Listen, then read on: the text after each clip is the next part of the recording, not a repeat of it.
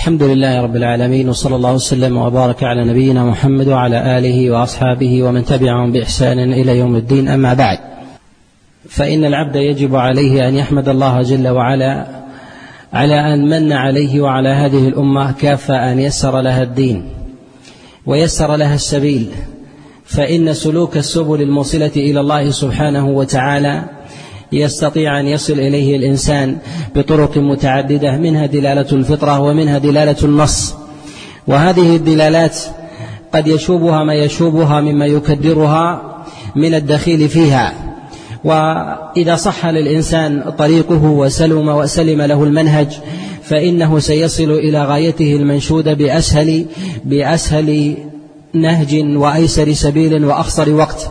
وهذا لا يمكن أن يتحقق لأحد إلا لمن تمحض نظرا في كلام الله عز وجل وكلام رسول الله صلى الله عليه وسلم وأخذ ذلك واستضاء على نهج خير القرون من الصحابة عليهم رضوان الله تعالى والتابعين وأتباعهم بإحسان إلى يوم الدين.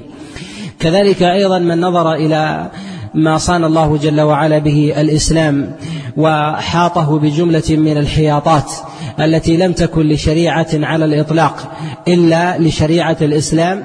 يعلم أن الله سبحانه وتعالى قد امتن على هذه الأمة بمنة وخصهم بخصيصة ليست لأحد من غيرهم يظهر أثر ذلك بالعاقبة التي جعلها الله جل وعلا لأهل الإسلام بين يديه وذلك عند الحصاد بالفوز عند الله سبحانه وتعالى بالمراتب العليا وذلك أن أهل الإسلام هم أكثر أكثر أهل الجنة دخولا وأقل أهل النار دخولا. وهذا وهذا من ثمار ذلك التيسير والوضوح الذي جعله الله سبحانه وتعالى لهذا الدين. ويكفي أن الله سبحانه وتعالى قد صان كتابه العظيم وهو الأصل من جهة الاحتجاج من الدخيل فيه وأن تناله الأيدي بشيء من التحريف والعبث. كما قال الله سبحانه وتعالى في كتابه العظيم إنا نحن نزلنا الذكر وإنا له لحافظون. وكما هو ظاهر في عنوان هذه المحاضرة في المنهجية في دراسة الفقه أو تلقي الفقه المنهجية إذا أراد طالب العلم أن ينظر إليها على اصطلاح كثير من المتأخرين يجد تشعبا في الوسائل والطرق والمعالم والمناهج التي يسلكها كثير من المتأخرين في الوصول إلى التفقه في دين الله سبحانه وتعالى. إن التفقه في الشريعة من أفضل الأعمال أو أفضل الأعمال على الإطلاق. والتفقه أو عمل شيء من التعبدات لله سبحانه وتعالى إذا أراد الإنسان أن ينظر إليه فإنه لا يمكن أن يتحصل للإنسان تعبد بنوع من أعمال أو أقوال التعبد إلا وقد صح لدى الإنسان علم سابق تمثل وتجسد في هذا العمل أو هذا القول. ولهذا يقال فإن العلم سابق للعمل إلا ما كان على سبيل المصادفة فإن ما كان على سبيل المصادفة لا تصاحبه نية. فإذا لم تصاحبه نية لم يكن حينئذ عبادة ولا يتحقق فيه وصف القبول والإثابة عليه والإثابة عليه من الله سبحانه وتعالى. وبه نعلم أنه ما من عبادة فضلها الله جل وعلا على غيرها إلا والعلم بها أفضل من أفضل من العمل بها. وذلك أن الإنسان لا يمكن أن يتحقق له العمل إلا بمعرفة تلك العبادة. وهذا مطرد في سائر أنواع في سائر أنواع العبادات في شريعة الإسلام. ويخرج من هذا من تعلم العلم ولم يعمل به على سبيل التعمد ودعا إلى خلافه أو كان منافقا فإنه يستحق المقت والطرد من رحمة الله سبحانه وتعالى. ويقع حينئذ في جملة النفاق الأكبر إذا كان إذا كان تعلمه لأصول الإسلام ومعالمه العظام ثم ترك ذلك عملا أو دعا إلى أو دعا إلى خلافه. فهذا ضرب من ضروب الزندقة والباطنية التي والباطنية التي حذر منها رسول الله صلى الله عليه وسلم. التفقه قد حث عليه رسول الله صلى الله عليه وسلم في أحاديث كثيرة منها ما جاء في الصحيح من حديث معاوية قال عليه الصلاة والسلام من يرد الله به خيرا يفقهه في الدين فالتفقه المراد به الفهم وهو من جهة التحقيق هو معرفة حقيقة العبادات التي أرادها الله جل وعلا في كتابه العظيم وأرادها رسول الله صلى الله عليه وسلم في قوله وفعله وتقريره. وأقرب ذلك السبيل أن يسلك الإنسان أن يسلك الإنسان إلى النص الذي أمر الله جل جل وعلا بالتعبد بالاستضاءة به وذلك من كلام الله سبحانه وتعالى وكلام رسول الله صلى الله عليه وسلم. وأقرب الناس فهما لذلك النص هم الذين خالطوا ذلك النص أو ذلك المشرع أو الوسيط الذي نقل إلينا هذا الوحي وهو نبينا محمد صلى الله عليه وسلم. وأقرب أولئك إليه هم أصحابه عليهم رضوان الله تعالى الذين تحقق فيهم وصف الأمان كما جاء النبي عليه الصلاة والسلام في الصحيح في صحيح الإمام مسلم وغيره من حديث أبي موسى عليه رضوان الله تعالى قال قال رسول الله صلى الله عليه وسلم أصحابي أمنة لأمتي فإذا ذهب أصحابي أتى أمتي ما توعد وقد جاء كذلك أيضا الحث من رسول الله صلى الله عليه وسلم في بيان الاقتداء بأقوال أصحاب رسول أصحابه والاقتداء بهديهم كما جاء النبي عليه الصلاة والسلام في السنن وغيره من حديث العرباض بقوله عليكم بسنتي وسنة الخلفاء الراشدين المهديين من بعدي. وهذا كما أنه خصيصة في الخلفاء الراشدين متضمن للأمر في أبواب الاجتهاد. كذلك متضمن لتقديم قولهم على على قول أي أحد ممن جاء بعدهم وذلك أن الإنسان إذا أراد أن يفهم كلام مخاطب من المخاطبين الذين يأمرونه بأمر بأمر فإنه يرجع إلى بطانة ذلك الآمر والمحتفين به وهم فهم أدرى الناس بقوله وفعله. وإذا كان كذلك لا يصدر الإنسان إلا عن قولهم فإنه لا يصدر من جهة التمحيص إلا عن قول أصحاب رسول الله صلى الله عليه وسلم. وذلك أنهم أدرى الناس بمراد رسول الله صلى الله عليه وسلم لجملة من الأمور يأتي يأتي البيان يأتي بيانها. وكما تقدم الإشارة إليه أن الله جل وعلا كما امتدح الفقه في الدين والتبصر بمعالم الإسلام وكذلك جاء رسول الله صلى الله عليه وسلم جملة من الأخبار في هذا ليس هذا موضع إرادها. فإن التفقه في دين الله إذا أراد الإنسان أن يسلك هذا العلم فليعلم أن العلم على مراتب.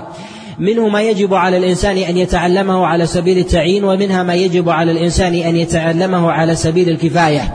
ومنها ما, يجب ما, ما لا ينبغي للإنسان أن يتعلمه باعتبار تعلم ذلك الإنسان لذلك العلم.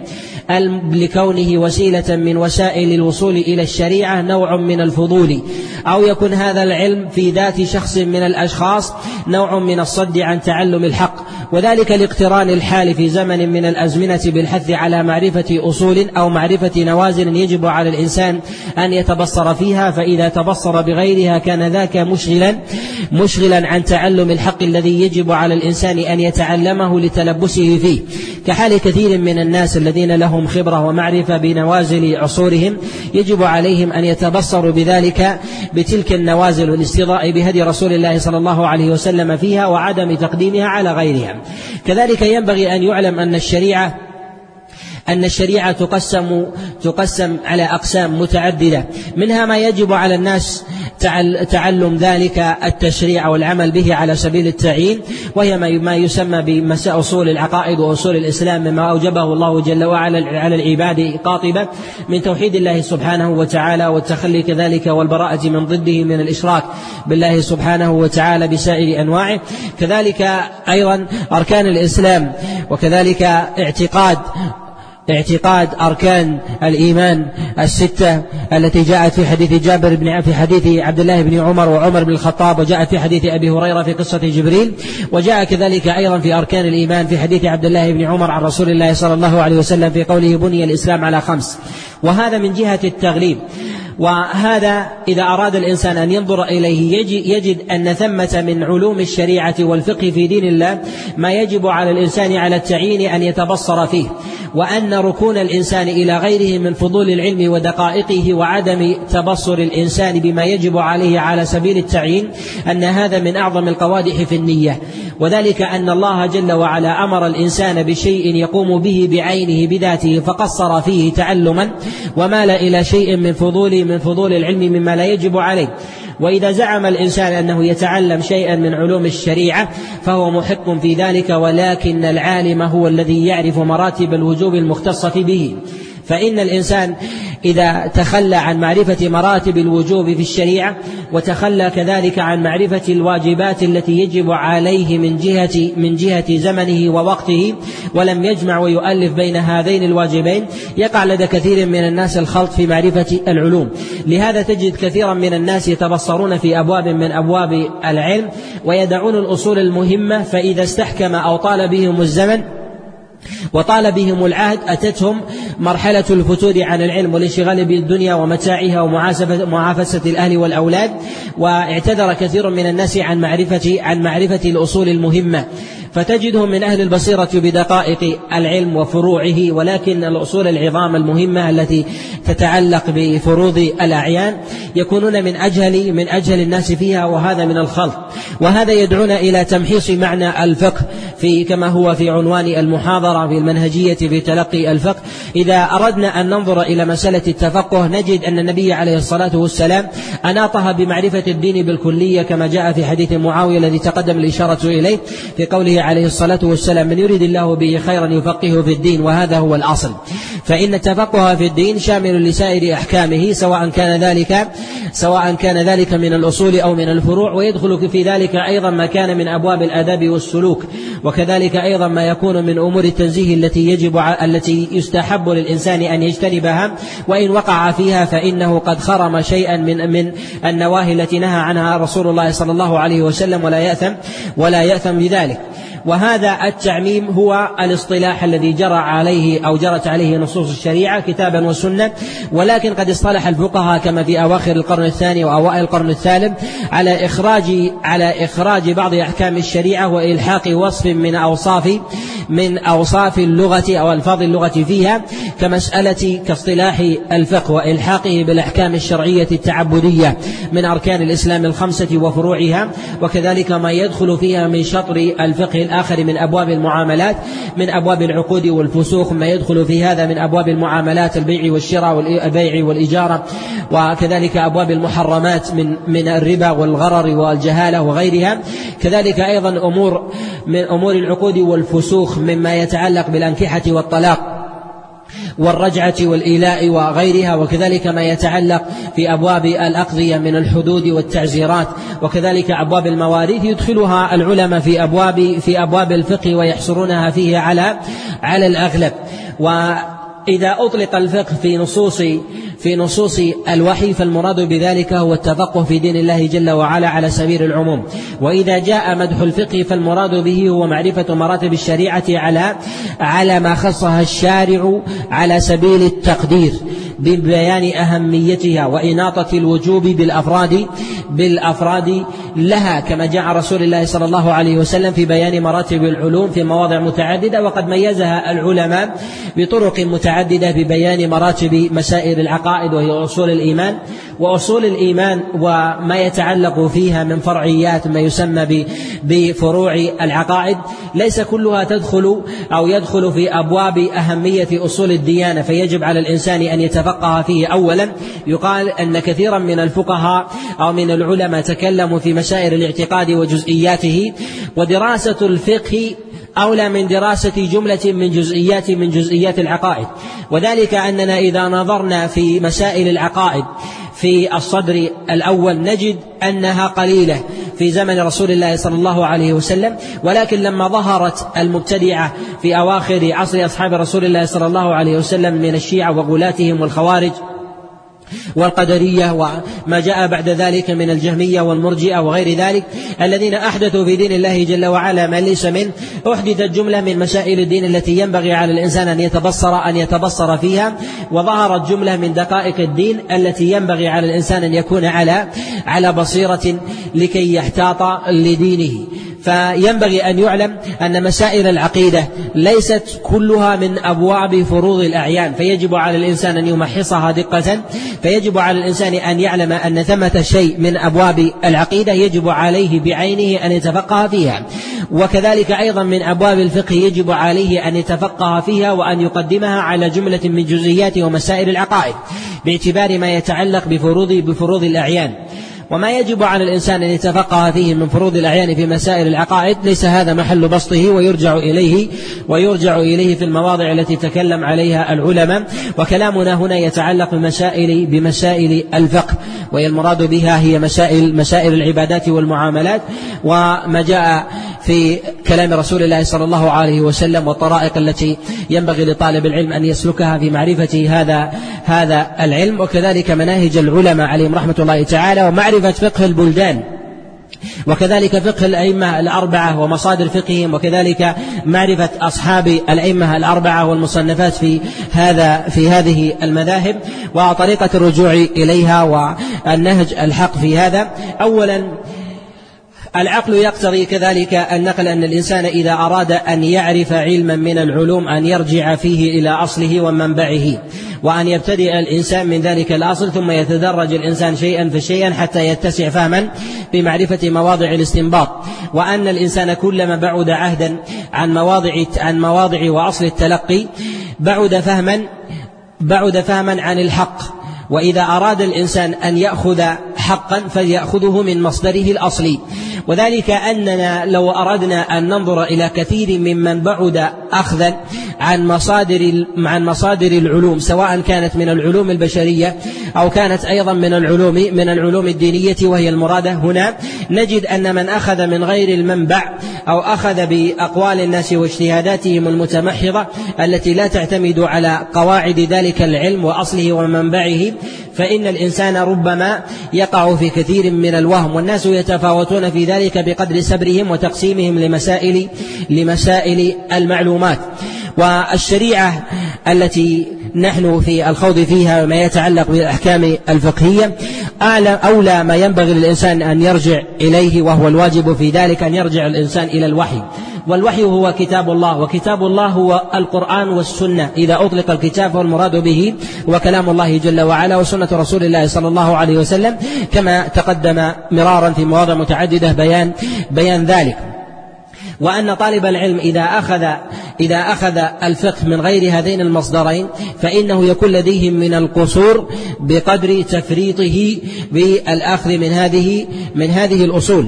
وكذلك فإن الملاحظة عند كثير من طلاب العلم قصور في معرفة مراتب الاستدلال ومواضع الأدلة من جهة القوة وكذلك من جهة من جهة الضعف. فأبواب الاحتجاج متباينة ولهذا نجد كثيرا من الفقهاء يطلقون الاحتجاج ويريدون به بابا واسعا من أبواب من أبواب التشبث بأذيال بأذيال النصوص. منها ما هو من الحجج القطعية التي ينبغي للإنسان أو يجب على الإنسان أن يتمسك بها. ما من ذلك وأولها كلام الله جل وعلا ثم كلام رسول الله صلى الله عليه وسلم. ثم يتباين الناس وكذلك تتباين النصوص بحسب صراحتها وكذلك صحتها. منها ما يكون فيه ضعف وصراحته قوية فيميل الإنسان إليه ميلا ميلا ليس بميل متين. ومنها ما يكون دون ذلك كأقوال بعض التابعين مقارنة ببعض الأقوال الضعيفة المروية عن الصحابة ولكنها صريحة وضعفها يقترن بشيء مما يقويها وإذا وجدنا قولا عن بعض التابعين من الأقوال الصحيحة الصريحة قد يميل الإنسان إلى شيء من ذلك باعتبار القرائن التي تحفز الإنسان إلى ميل إلى الميل بالتشبث بهذا بهذا الدليل وهو نوع من الأدلة التي يأخذ فيها الإنسان استئناسا. ومهما تكن من جهة الضعف فإنها أولى من أقوال المتأخرين تشبثا وذلك لقرب أولئك عهدا برسول الله صلى الله عليه وسلم وأئمة الهدى من أصحاب رسول الله صلى الله عليه وسلم وأتباعهم لهذا ينبغي لطالب العلم إذا أراد أن يعرف مسائل الفقه أن يرجع من جهة الأصل إلى ضبط ضبط كلام الله سبحانه وتعالى وضبط الأدلة وضبط الأدلة التي أمر الله جل وعلا بالعناية بها. والتفقه فيها بمعرفة مسائل العقائد والقرآن كما لا يخفى هو على ثلاثة أقسام. القسم الأول ما يتعلق بمسائل العقائد القسم الثاني ما يتعلق بمسائل الحلال والحرام وهي المتعلقة بكلامنا وهي مسائل الفقه. القسم الثالث هي قصص هي قصص وسير وأخبار وكلامنا هنا على أبواب الأحكام. ينبغي لطالب العلم إذا أراد أن يتفقه في مسائل الأحكام أن ينظر بآيات الأحكام. وأن يكون من أهل من أهل الضبط لها بمواضع القرآن. والقصور في طالب العلم أن يحتج طالب العلم على مسألة من المسائل بشيء من السنة صحيح أو ضعيف أو من أقوال خير القرون أو بمسائل الإجماع مع ظهور الدليل من كلام الله سبحانه وتعالى وصراحته في هذه المسألة. فإن هذا من من مواضع فإن هذا من مواضع القصور. ولهذا تجد عند كثير من طلاب العلم الاحتجاج ببعض ببعض الأدلة التي هي محل تسليم لكن هناك ما هو أعلى منها نصا ولفظا وأقدر أقدر منها احتجاجا ونسبة وتشريعا وهو كلام الله سبحانه وتعالى فينبغي لطالب العلم أن يضبط مواضع الأحكام. وآيات الأحكام هي منثورة في كلام الله جل وعلا ومتباينة بحسب الآية وهي متفاوتة أيضا من جهة الصراحة. من جهة صراحتها في الدلالة على مواضع الفقه وقد اعتنى الأئمة في هذا الباب فجمعوا آيات الأحكام وفسروها وتوجد المصنفات في ذلك على المذاهب الأربع. فيوجد من صنف في في آية تفسير آيات الأحكام في مذهب الإمام مالك أبي بكر بن العربي وكذلك في تفسير آيات الأحكام على مذهب الإمام الشافعي والإمام الشافعي كتاب في ذلك وكذلك أيضا في مذهب الإمام أحمد كالقاضي أبي يعلى وكذلك ثمة مسائل جمعت الإمام أحمد عليه رحمة الله تعالى في تفسير آيات الأحكام لبعض المتأخرين. كذلك في مذهب أبي حنيفة عليه رحمة الله ثمة مواضع جمعت في هذا ككتاب أحكام القرآن لأبي بكر الجصاص وكذلك أيضا لجملة من المواضع التي جمعها جمعها أبو جعفر الطحاوي عليه رحمة الله تعالى في مواضع من مصنفاته في بيان تفسير آيات آيات الأحكام. لهذا فإن طالب العلم إذا أراد أن يقصد آيات الأحكام وأن يضبطها وأن يعرف مواضع الاستدلال أن يرجع إلى هذه المصنفات فإنها أيسر. وإلا من جهة الأصل والقوة أن يتجاوز طالب العلم هذه المرحلة آه، المرحلة إن وجد وقتا وجد في آه، في آه، في وقته فسحة أن يعمد إلى الأصول باستنباط أدلة الأحكام بالنظر إلى تفسير أئمة السلف. من الصحابة والتابعين والرجوع في ذلك إلى والرجوع في ذلك إلى أئمة الاجتهاد من القرون المفضلة الثلاثة من الصحابة والتابعين وأتباعهم والرجوع إلى الكتب التي اعتنت بأبواب التفسير كتفسير ابن جرير الطبري وابن أبي حاتم وعبد بن حميد وابن المنذر والبغوي وكذلك تفسير عبد الرزاق وغيرها من الكتب التي اعتنت بتفسير آيات الأحكام وتفسير غيرها. وثمة جملة من مواضع الاستدلال التي هي نوع من أنواع الاستنباط لبعض المواضع التي ليست ليست بالوضوح بالقدر البين عند كثير من أهل الأفهام. تخدم طالب العلم في في كثير من في كثير من مواضع الاحتجاج في مسائل الفقه. فإذا نظر طالب العلم في هذه الأدلة وجد ثمة مواضع من آي الأحكام التي ليست بمتمحض الوضوح عندما تكلم في آي الأحكام. لم ينص عليها الفقهاء في في كتب أحكام القرآن. فيلتمسها طالب العلم في كتب الأصول وكذلك أيضا فإن هذا الأمر هو باب لا ساحر له فربما يتحصل لطالب العلم من الاستنباط والاستدلال وإلحاق بعض النظائر وكذلك آه، الأخذ ببعض المصطلحات والأقيسة الواردة في كلام الله جل وعلا مما يخدم طالب العلم في مواضع لا تخطر لكثير من أرباب النظر والقياس. لهذا ينبغي لطالب العلم أن يتوسع نظرا وألا يعتمد على كتاب بعينه فيما يتعلق في معرفة في معرفة تفسير آيات تفسير تفسير آيات الأحكام. وحال النظر في مواضع آية الأحكام فإذا مر طالب العلم على آية من الآيات تبين مسألة من مسائل الدين من مسائل الفقه ولنقل مثلا في مسائل الطهارة في بيان مثلا نجاسة الدم كنجاسة الدم الحيض والدم المسفوح ونحو ذلك. الآيات في كلام الله جل وعلا في ذلك واضحة. فيجمع طالب العلم مع ذلك النصوص الواردة من السنة المقترنة بهذه المسائل. ونجد أن طالب العلم إذا أراد أن يقرن الأدلة من كلام رسول الله صلى الله عليه وسلم في مواضع الاستدلال في آي الأحكام من كلام الله سبحانه وتعالى وربما يجد في ذلك شتاتا أو صعوبة. ونقول أن طالب العلم إذا أراد أن ينظر إلى أدلة آيات الأحكام في كلام الله سبحانه وتعالى. يجد أن آيات الأحكام آيات محصورة وهي جامعة لأصول لأصول الفقه وقواعده ومسائله العظام وما تعم به وما تعم به البلوى ورد في كلام الله سبحانه وتعالى. وهذا يسير على طالب العلم أن يرجع إلى المصنفات في في أدلة الأحكام. وألا يعتمد اعتمادا منفردا ابتداء على أحاديث الأحكام التي جمعها العلماء ويأتي الخوض فيها. والتمييز بينها وبين كتب المتون الفقهية على المذاهب الأربع وأيها أولى في ذلك. ولكن طالب العلم يأخذ ما يعينه في ذلك حتى يعرف حتى يعرف ما يهم من تفسير كلام الله سبحانه وتعالى ببعض النصوص الشرعية. فإن القرآن الكريم غائي وذلك أنه يتكلم في غايات المسائل وغايات الألفاظ. فإن ألفاظ القرآن ألفاظ القرآن كليات وألفاظ السنة في أكثرها تفصيل فينبغي لطالب العلم أن يلحق ألفاظ السنة بأبواب آيات الأحكام حتى يتمحض له النص فلا يستدل بعمومات في مواضع في مواضع التخصيص. كذلك حتى لا يستدل طالب العلم بمواضع عامة قد دل الدليل على تخصيصها بنص من رسول الله صلى الله عليه وسلم أو كذلك أيضا بإجماع بإجماع السلم من الصحابة عليهم رضوان الله تعالى وغيرهم. فينبغي لطالب العلم أن يختصر وقتا في ذلك أن يجمع أو ينظر إلى آيات إلى أحاديث الأحكام المفردة في ذلك وأن يعمد إلى أوسعها في هذا الباب. وأحاديث الأحكام قد جمعت في مصنفات قد جمعها جماعة من المتأخرين منهم من اعتنى بالصحة ومنهم من من آه، اعتنى بالجمع والوفرة وأراد بذلك إحاطة واستيعابا. ومن من اعتنى بالصحة ك آه، كعبد الواحد المقدسي المقدسي عبد الغني المقدسي المقدسي في كتابه عمدة الأحكام. ومنهم من توسع في ذلك وخولف ونزع في بعض ما يميل إلى تصحيحه وتحسينه كعبد الحق الإشبيلي في كتابه الأحكام الكبرى والوسطى والصغرى.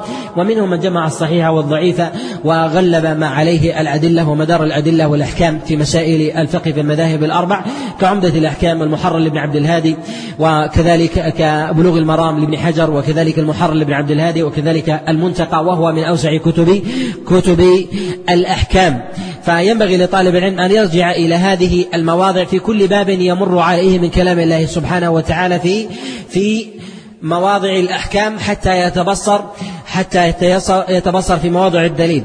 وإن كان طالب العلم يجد في كل موضع يرجع إليه في كلام الله إذا رجع إلى التفسير يجد هذه الأدلة ولكن ربما يند عن بعض من صنف في كتب الأحكام أو يصعب على طالب العلم أن يحيط بكتب التفسير أو كتب آيات الأحكام فيختار كتابا من كتب الأحكام يعمد إليه بمعرفة كلام الله سبحانه وتعالى وجوه الاستدلال ويعمد في ذلك إلى كتاب من كتب الأحكام من أحاديث رسول الله صلى الله عليه وسلم ثم يعمد في ذلك إلى بيان حكمها ويتدرج في ذلك بمعرفة الفهم. وأولى ما تفهم فيه آيات الأحكام. هو معرفة كلام الصدر الأول في ذلك وهم الصحابة عليهم رضوان الله تعالى وهم أعلى تفسيرا في كلام الله جل وعلا وخاصة ما يتعلق بالأحكام. وقد نص غير واحد من الأئمة من المحدثين وغيرهم إلى أن كلام أصحاب رسول الله صلى الله عليه وسلم في التفسير محمول على على الرفع يعني له حكم له حكم الرفع إلى رسول الله صلى الله عليه وسلم. وذلك أن كلام الله جل وعلا لا يمكن أن يتكلم أحد به إلا إلا على سبيل اليقين وأن الخوض في كلام الله جل وعلا بسبيل الظن والاجتهاد ليس هذا موضعه وإنما موضعه تفسير بعض كلام رسول الله صلى الله عليه وسلم ببعض نوازل الأحكام. وذلك أن الله جل وعلا قد بين خطورة الخوض في كلامه على غير مراد الله سبحانه وتعالى. وكذلك أيضا فإن الناظر في كلام أصحاب رسول الله صلى الله عليه وسلم يجد أنهم يحتاطون في يجد أنهم يحتاطون في كلام الله جل وعلا ما لا يحتاطون في كلام في كلام غيره سواء من كلام رسول الله صلى الله عليه وسلم أو في كلام أو في كلام غير غير النبي عليه الصلاة والسلام ممن سبق من أخبار الأمم السابقة والاجتهاد في ذلك ببيان أحوال الأمم الغابرة أو كذلك بيان الأمور المغيبة والأخبار الآتية من بيان أشراط الساعة ونحو ذلك فربما اجتهدوا في تنزيل بعض الأحوال أو أو قياس بعض أو أو قياس بعض النوازل على بعض الأمور الغابرة ولو في كلام ولو في حضور رسول الله صلى الله عليه وسلم. كما نص على ذلك الحاكم عليه رحمة الله أن ما جاء من أقاويل الصحابة في تفسير كلام الله محمول على المسند المرفوع إلى رسول الله صلى الله عليه وسلم كما نص على ذلك في كتابه المستدرك وكذلك أيضا في كتابه علوم في كتابه معرفة علوم الحديث. فينبغي لطالب العلم أن يعتني بتفسير هؤلاء ويرجع في ذلك إلى ذات المواضع في كلام الله سبحانه وتعالى في الكتب المعتمدة التي تقدم الإشارة إليها وكذلك أن يستأنس في تفسير كلام بعض الأئمة لبعض آيات الأحكام. فربما بينوا كلام مراد بعض أصحاب رسول الله صلى الله عليه وسلم فإن طالب العلم يستشكل كثيرا من الألفاظ التي ترد في كلام الصحابة عليهم رضوان الله تعالى فيظن أن بينها تعارضا وهي من جملة وهي من جملة خلاف اللفظ. وليس من خلاف من خلاف التضاد.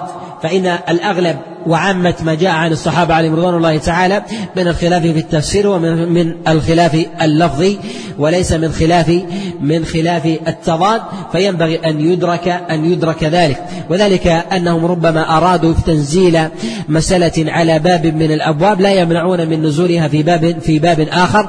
ولهذا ما يذكره كثير مما يتكلم في التفسير من المعاصرين من قوله اختلف السلف في تفسير هذه الآية على أقوال فيريدون أقوال السلف في كل آية وأن هذا من مواضع الخلاف هذا نوع من أنواع القصور. وذلك أن الصحابة يدركون أن القرآن قد نزل على لفظ عام وألفاظه كلية وهي غائية فينزلون ما يريدون من فينزلون ما يريدون من من أحكام ولا يريدون بذلك قصر وحصر تلك الآيات على بعض المعاني التي أرادوها ومن نظر في ذلك وجد هذا طريقا ومسلكا لهم في سائر تفسير كلام الله سبحانه وتعالى إلا إلا في النزر في النزر اليسير.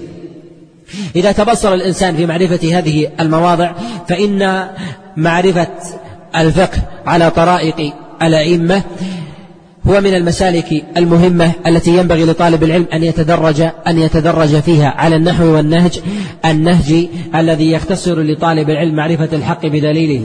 فإن من سلك الطريق ربما يصل إليه إلى معرفة المقصود. وكثير من طلاب العلم يتأثر ببعض المدارس من شيوخه أو بعض من يقتدى به توسعا في الفقه ومعرفة ونحو ذلك.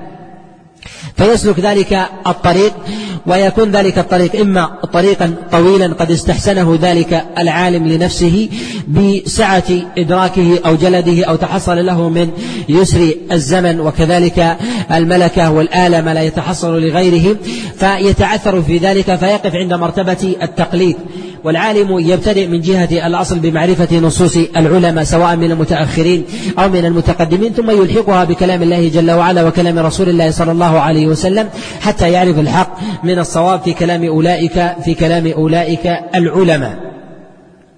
لهذا معرفة الطريقة الحق في في التفقه في دين الله على كتب الفقهاء هي من المسائل المهمة ويأتي الكلام عليها. وإذا قرن طالب العلم مسائل آيات الأحكام بما جاء رسول الله صلى الله عليه وسلم بمعرفة آيات الأحكام فإنه يتحصل له جملة من من مواضع الفقه والتبصر والتبصر فيه ويتحصل لديه جملة من المنافع والفوائد في هذا.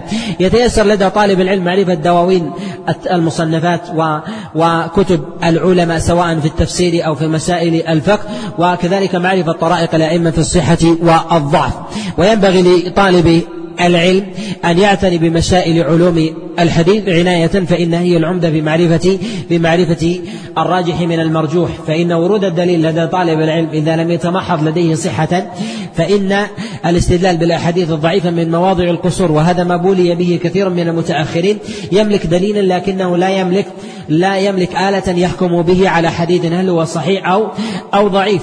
فإذا ضعف أحد ممن يخالفه حديثه وكان له حجة في ذلك قوية علم أنه قد اعتمد في ذلك على شيء هش وهو على جرف قد انهار ببيان ببيان ضعف ذلك الحديث ويعلم أنه لو تيسر لديه معرفة هذا الحديث صحة وضعفا ما كان على هذا القول الذي ينهار ببيان ضعف ذلك الحديث الذي يعتمد يعتمد عليه. لهذا لا بد من ملكة آلة النقد والحكم على الحديث وهذه تحتاج إلى موضع نتكلم فيه على منهاج التلقي في الحديث وطرائق الأئمة في ذلك متقدمين ومتأخرين. وهذا سيأتي بيانه بإذن الله جل وعلا في في محاضرة في محاضرة قادمة. وأما ما يتعلق في معرفة سنة رسول الله صلى الله عليه وسلم فإن طالب العلم إذا تجاوز آيات الأحكام يجد أنه قد ألحق جملة من مسائل من مسائل أحاديث الأحكام في هذه المواضع وتوصر بجملة من الأحاديث الواردة في ذلك وكذلك تفقه على جملة تبقى على جملة من الآثار الواردة في هذا من التفسير الوارد عن الصحابة وكذلك التابعين فتحصل له شيء شيء من ذلك. وإذا أردنا أن ننظر في أبواب الفقه ودواوينه نجد أن أن المرد في ذلك من جهة الاحتجاج كما تقدم الإشارة إليه هو إلى كلام الله وإلى كلام رسول الله صلى الله عليه وسلم. ولكن عند النظر في آلة في آلة التمحيص لدى كثير من المتأخرين نجد أن كثيرا من من الناس. حتى العلماء الأفذاذ إذا أرادوا أن ينظروا إلى نصوص السنة لم يستطيعوا أن يجمعوا ما جمعه العلماء على مر العصور من مسائل الدين واستنباط الفقه من من نوازل من نوازل الأحكام ونوازل الزمان وعلى اختلاف البلدان ومر العصور فإن العلماء قد دونوا تلك المسائل في مصنفات ومتون فقهية مما إذا أراد طالب العلم أن أن أن يستنبطها ابتداء بالرجوع إلى نصوص الكتاب والسنة تعذر هذا لديه. لهذا من المهم أن يعلم أن النظر في كتب الفقه من المهمات الجليلة بل من المهمات العظيمة التي تجعل طالب العلم ممن يحيط بمسائل الفقه وأن يعرف نوازل نوازل الأحكام التي دونها العلماء على طرائق المسائل الفقهية وهي توجد في كتب مختصرة ما تسمى بالمتون الفقهية على المذاهب على المذاهب الأربع. ويأتي الكلام عليها. فإذا قدمنا أنه ينبغي لطالب العلم أن يعتمد ابتداء بالنظر في آيات الأحكام. هل نقول أنه ينبغي لطالب العلم أن ينظر في آيات في أحاديث الأحكام الواردة عن رسول الله صلى الله عليه وسلم ابتداء فيتمحص وينظر في كتب آه، في كتب آه، شرح آيات الأحكام؟ ولا يرجع إلى كتب ودواوين المذاهب الأربع التي بينت آه، التي بينت الأحكام الفقهية وذكرتها على سبيل الاختصار.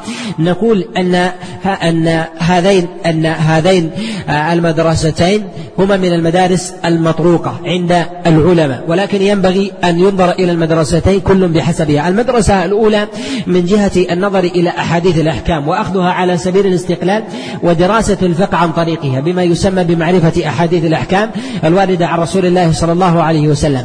الطريقة الصحيحة في معرفة آيات بمعرفة أحاديث الأحكام وأخذ الفقه وأخذ الفقه عنها. الطريقة الصحيحة في هذا أن يأخذ طالب العلم هذه الأحاديث وأن ينظر فيها على سبيل التدرج. وسبيل التدرج في ذلك أن يجمع طالب العلم الأحاديث الواردة عن رسول الله صلى الله عليه وسلم في في في الأحكام وأن ينظر في كل حديث وأن يتنزل فيه بحسب القرون الواردة في ذلك. ينظر في فقه أصحاب رسول الله صلى الله عليه وسلم في المسألة المنظورة. في المسألة المنظورة في هذا الباب. فإذا أراد طالب العلم أن ينظر في باب من الأبواب كأبواب الطهارة من أبواب المياه أو أبواب الصلوات من أبواب الصلوات المفروضة أو صلاة الجنائز وغير ذلك فإنه إذا نظر في باب من الأبواب عليه أن ينظر في فقه الصحابة في هذه المسألة ثم ينظر في فقه التابعين ثم ينظر في فقه أتباع التابعين ثم ينظر في أقوال الأئمة الأربعة ثم ينظر في من بعدهم ثم يتوسع في ذلك طالب العلم ما شاء وهذا من المهمات. حتى يعرف طالب العلم حتى يعرف طالب العلم جملة من المهمات التي تتعسر على غير على غيره لو سلك طريقا يختلف عن هذا. فإن طالب العلم إذا أخذ المتون الفقهية وهي طريقة معتبرة ويأتي بيان تفصيلها في النهج الثاني إذا أخذ الكتب الفقهية على سبيل الاستقلال ثم ألحقها بأدلتها من كلام الله جل وعلا وكلام رسول الله صلى الله عليه وسلم دون التدرج بأقوال فقه خير القرون من الصحابة والتابعين وأتباعهم وأقوال الأئمة الأربعة تحصل لدى طالب العلم نوع من أنواع القصور. ويتلخص هذا القصور في جملة من الأنواع. النوع الأول أن ثمة من الأحاديث الواردة عن رسول الله صلى الله عليه وسلم من الأحكام. التي لو نظر فيها طالب العلم لأخذ منها حكما وهي صحيحة من جهة النقد إلا أن العمل على خلافها فلم يعمل بها أحد من أصحاب رسول الله صلى الله عليه وسلم ولا من التابعين. فيجد كثير من طلاب العلم أن هذه الأحاديث عمل بها بعض الفقهاء أو من المنتسبين بالفقه من المتأخرين وذلك أنهم أهملوا النظر إلى خير القرون فأحدثوا أقوالا لم تكن موجودة في القرون المفضلة. فوجدت أقوال تخالف ما كان عليه ما كان عليه السلف الصالح. فيظنون أن هذه الأقوال معتبرة فيحكون في ذلك خلافا وهي عند التمحيص ليست من مواضع من مواضع الخلاف.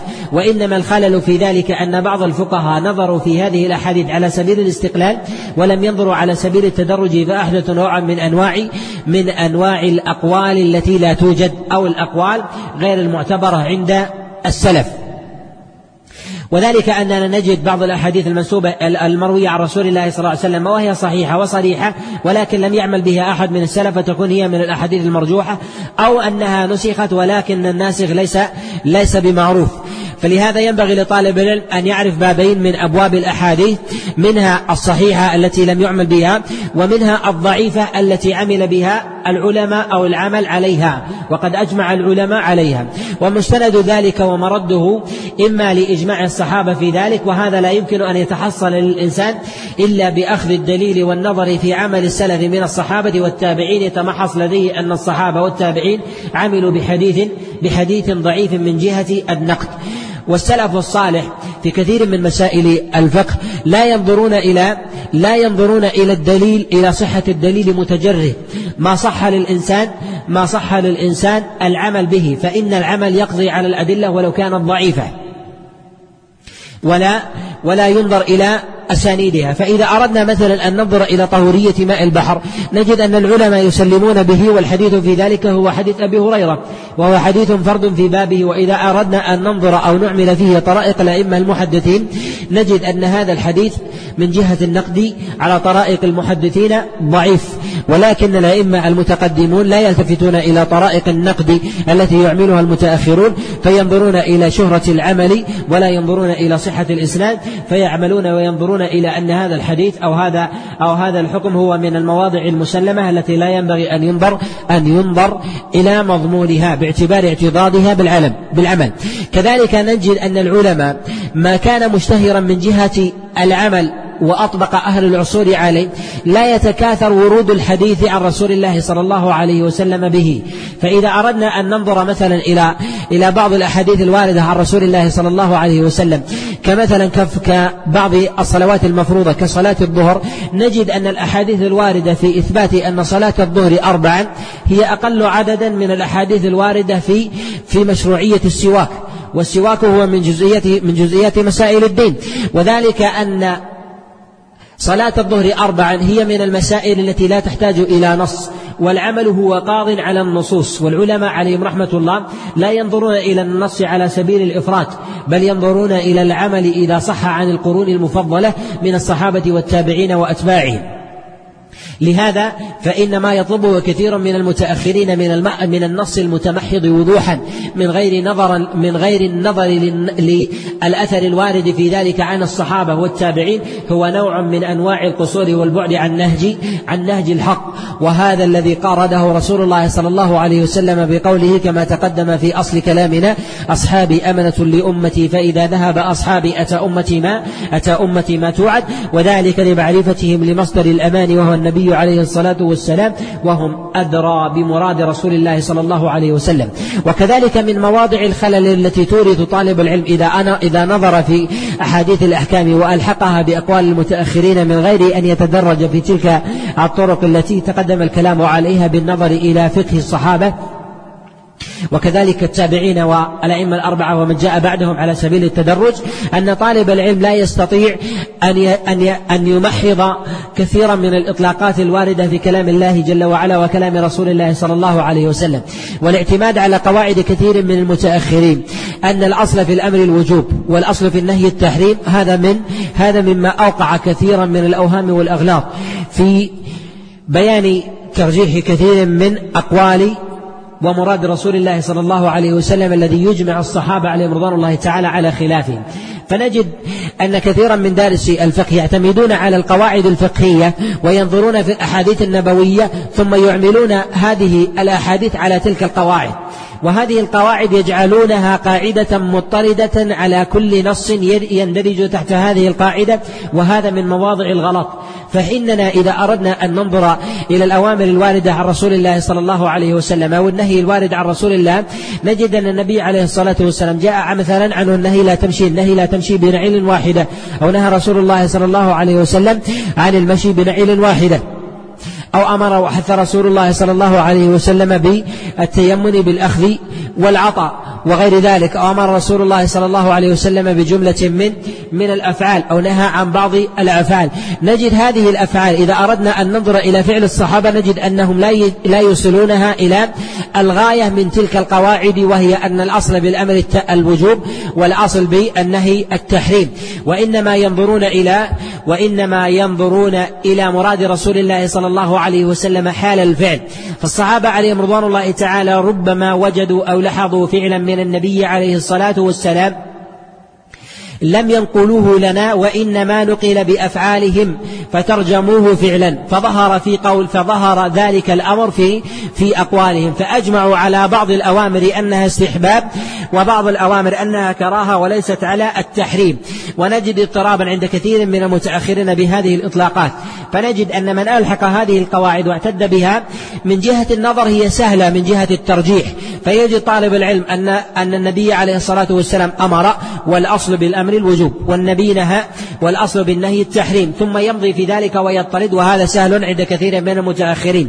وهذا وهذا أورث قصورا وخلافا عند كثير من المتأخرين مما لا ينبغي أن يقع فيه الخلاف. لو تدرج طالب العلم على الطريقة على الطريقة السابقة.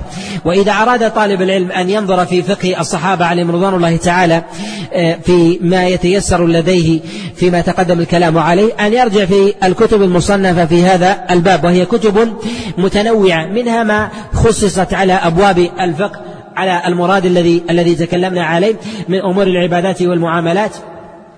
ومنها ما هي أبواب شاملة متنوعة في هذا الباب. منها الكتب المتعلقة بأخبار الصحابة والتابعين واعتنت بالتصنيف على أبواب الفقه. كتاب موطأ الإمام مالك وكذلك كتب ابن عبد البر كالتمهيد والاستذكار وكذلك أيضا كتب ابن المنذر كالأوسط وكتابه الإجماع والإشراف وكذلك الكتب المصنفة على أبواب الفقه مصنف عبد الرزاق ومصنف ابن أبي شيبة والسنن الكبرى للبيهقي ومعرفة سنن الآثار الآثار له وكذلك أيضا من الكتب العامة في ذلك التي لا تندرج تحت باب من أبواب الفقه ولكن يلتمس فيها طالب العلم الأخبار الواردة في ذلك عن ذلك الجيل منها كتب كتب التفسير منها كتب التفسير كتفسير ابن جرير وعبد بن حميد وابن منذر وابن أبي حاتم وعبد الرزاق وغيرها من الكتب التي اعتنت بتفسير بنقل تفسير تفسير السلف الصالح عند مواضع الآي. في المروي عن رسول الله صلى الله عليه وسلم. كذلك فإن كتب السنة لا تخلو من هذا الباب منها الكتب الستة وغيرها أو من المسائل المروية في هذا الباب عن بعض الأئمة الذين لهم عناية بالآثار عن رسول الله عن رسول الله صلى الله عليه وسلم وكذلك عن الصحابة والتابعين كمسائل الإمام أحمد وكذلك أيضا المسائل المروية عن بعض العلماء. في بعض المصنفات من بعض تراجم الصحابة كمعجم الصحابة لابن قانع ومعجم الصحابة المقرئ وكذلك معجم الصحابة لأبي نعيم وغيرها. فإن فيها جملة من الأخبار المروية عن هؤلاء مما ينبغي لطالب العلم أن يعتني أن يعتني به. كذلك الآثار التي يعتني بها بعض الفقه من أهل الرأي ككتاب الآثار لمحمد بن حسن وكتاب الآثار لأبي يوسف وكتاب الحجة على المدينة وكتاب الأصل لمحمد بن حسن وغيرها من المصنفات التي ينبغي لطالب العلم أن يلتمس فيها أن يلتمس فيها الآثار الواردة في هذا في هذا الباب عند إرادته أن يتفقه في نص من النصوص على هذا التدرج الذي أردناه فيأخذ طالب العلم. حديثا من الأحاديث مثلا حديث البحر هو الطهور ماءه الحل ميتته يأخذه ثم يلتمس الأخبار المروية في ذلك عن السلف ثم التابعين ثم أتباعهم ثم الأئمة الأربعة ثم يتوسع في ذلك.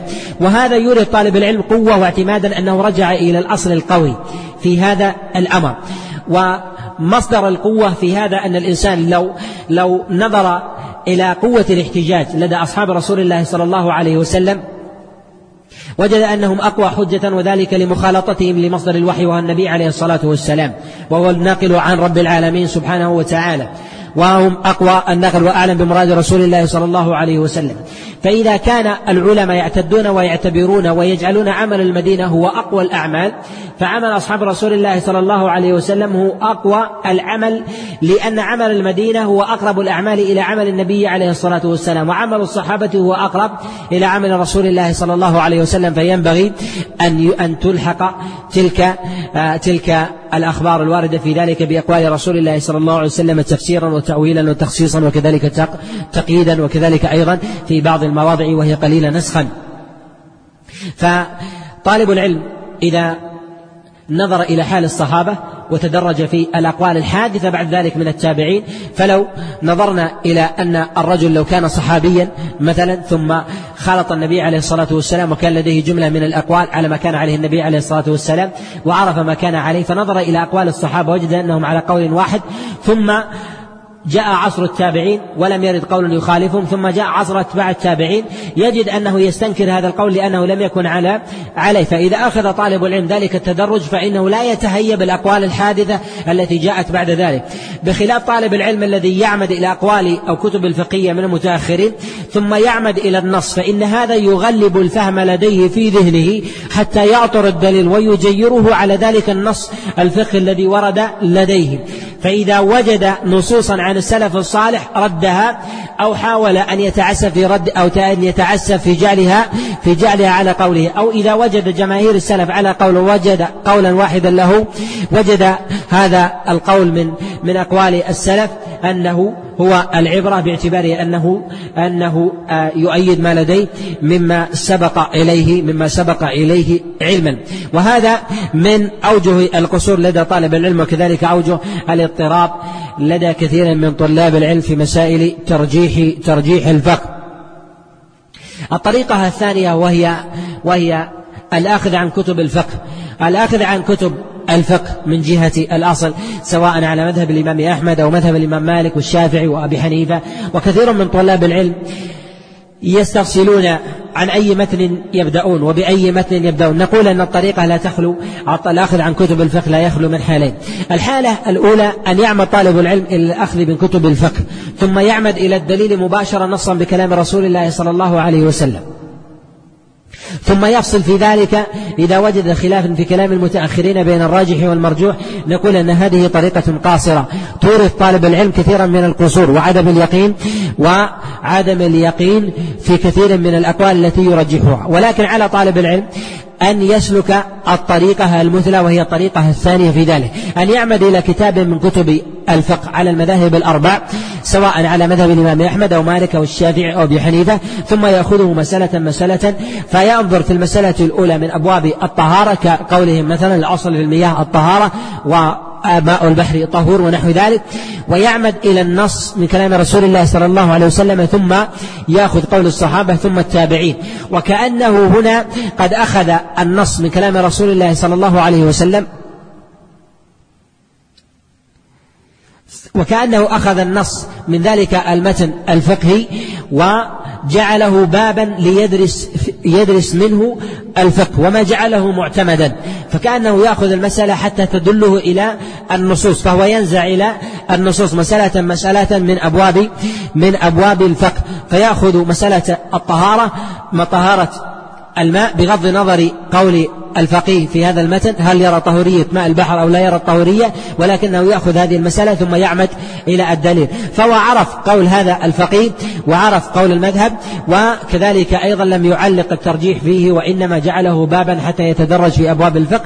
وهذه تلتقي مع الطريقة الأولى التي يأخذ أبواب الأحكام وأحاديث الأحكام من رسول الله صلى الله عليه وسلم ثم يتدرج فيها شيئا شيئا فشيئا. وهذه الطريقة هي مشابهة للأولى. ومن أخذ هذه الطريقة على النحو الثاني أو الطريقة الأولى الواردة عن رسول الله صلى الله عليه وسلم أحكاما ثم تنزل بأخذ أحاديث الأحكام فإن هذا من الطرائق التي تجعل طالب العلم من أهل القوة والمتانة وكذلك من أهل الثقة في الترجيح حينما يقول ويعلم أنه يهتدي بأقوال السلف الصالح عليهم رضوان الله تعالى من الصحابة والتابعين وأتباعهم وأما إذا سلك طالب العلم الطريقة الأولى وهو أنه يعمد إلى كتاب من الكتب الفقهية ثم ينظر إلى دليل هذه المسألة على المذهب في هذا ثم يعمد ويرجع إلى إلى كتب الأدلة في المذاهب الفقهية ويقوم بالترجيح من غير الرجوع إلى فقه القرون وأقوال الأئمة الأربعة على التدرج السابق فإنه يورد لدى طالب العلم قصور. وطالب العلم إذا أخذ هذا الفقه يجد كلفة بالتحول عنه بعد رسوخه معه.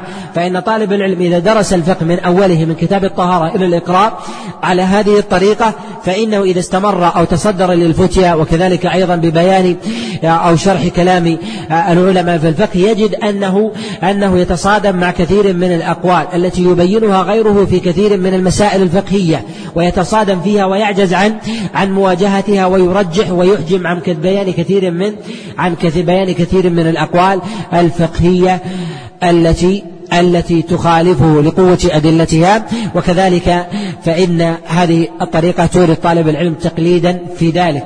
وكذلك يجد تعسفا في هذا في هذا الباب. وأما البداءة بأبواب بكتب الفقه بأي كتاب يعمل طالب العلم في أي مذهب يبدأ. نقول طالب العلم إذا سلك الطريقة الحديثية التي يسلكها على طريقة الأحكام ثم يتدرج في ذلك ثم يرجع بعد ذلك إلى كتب الفقه.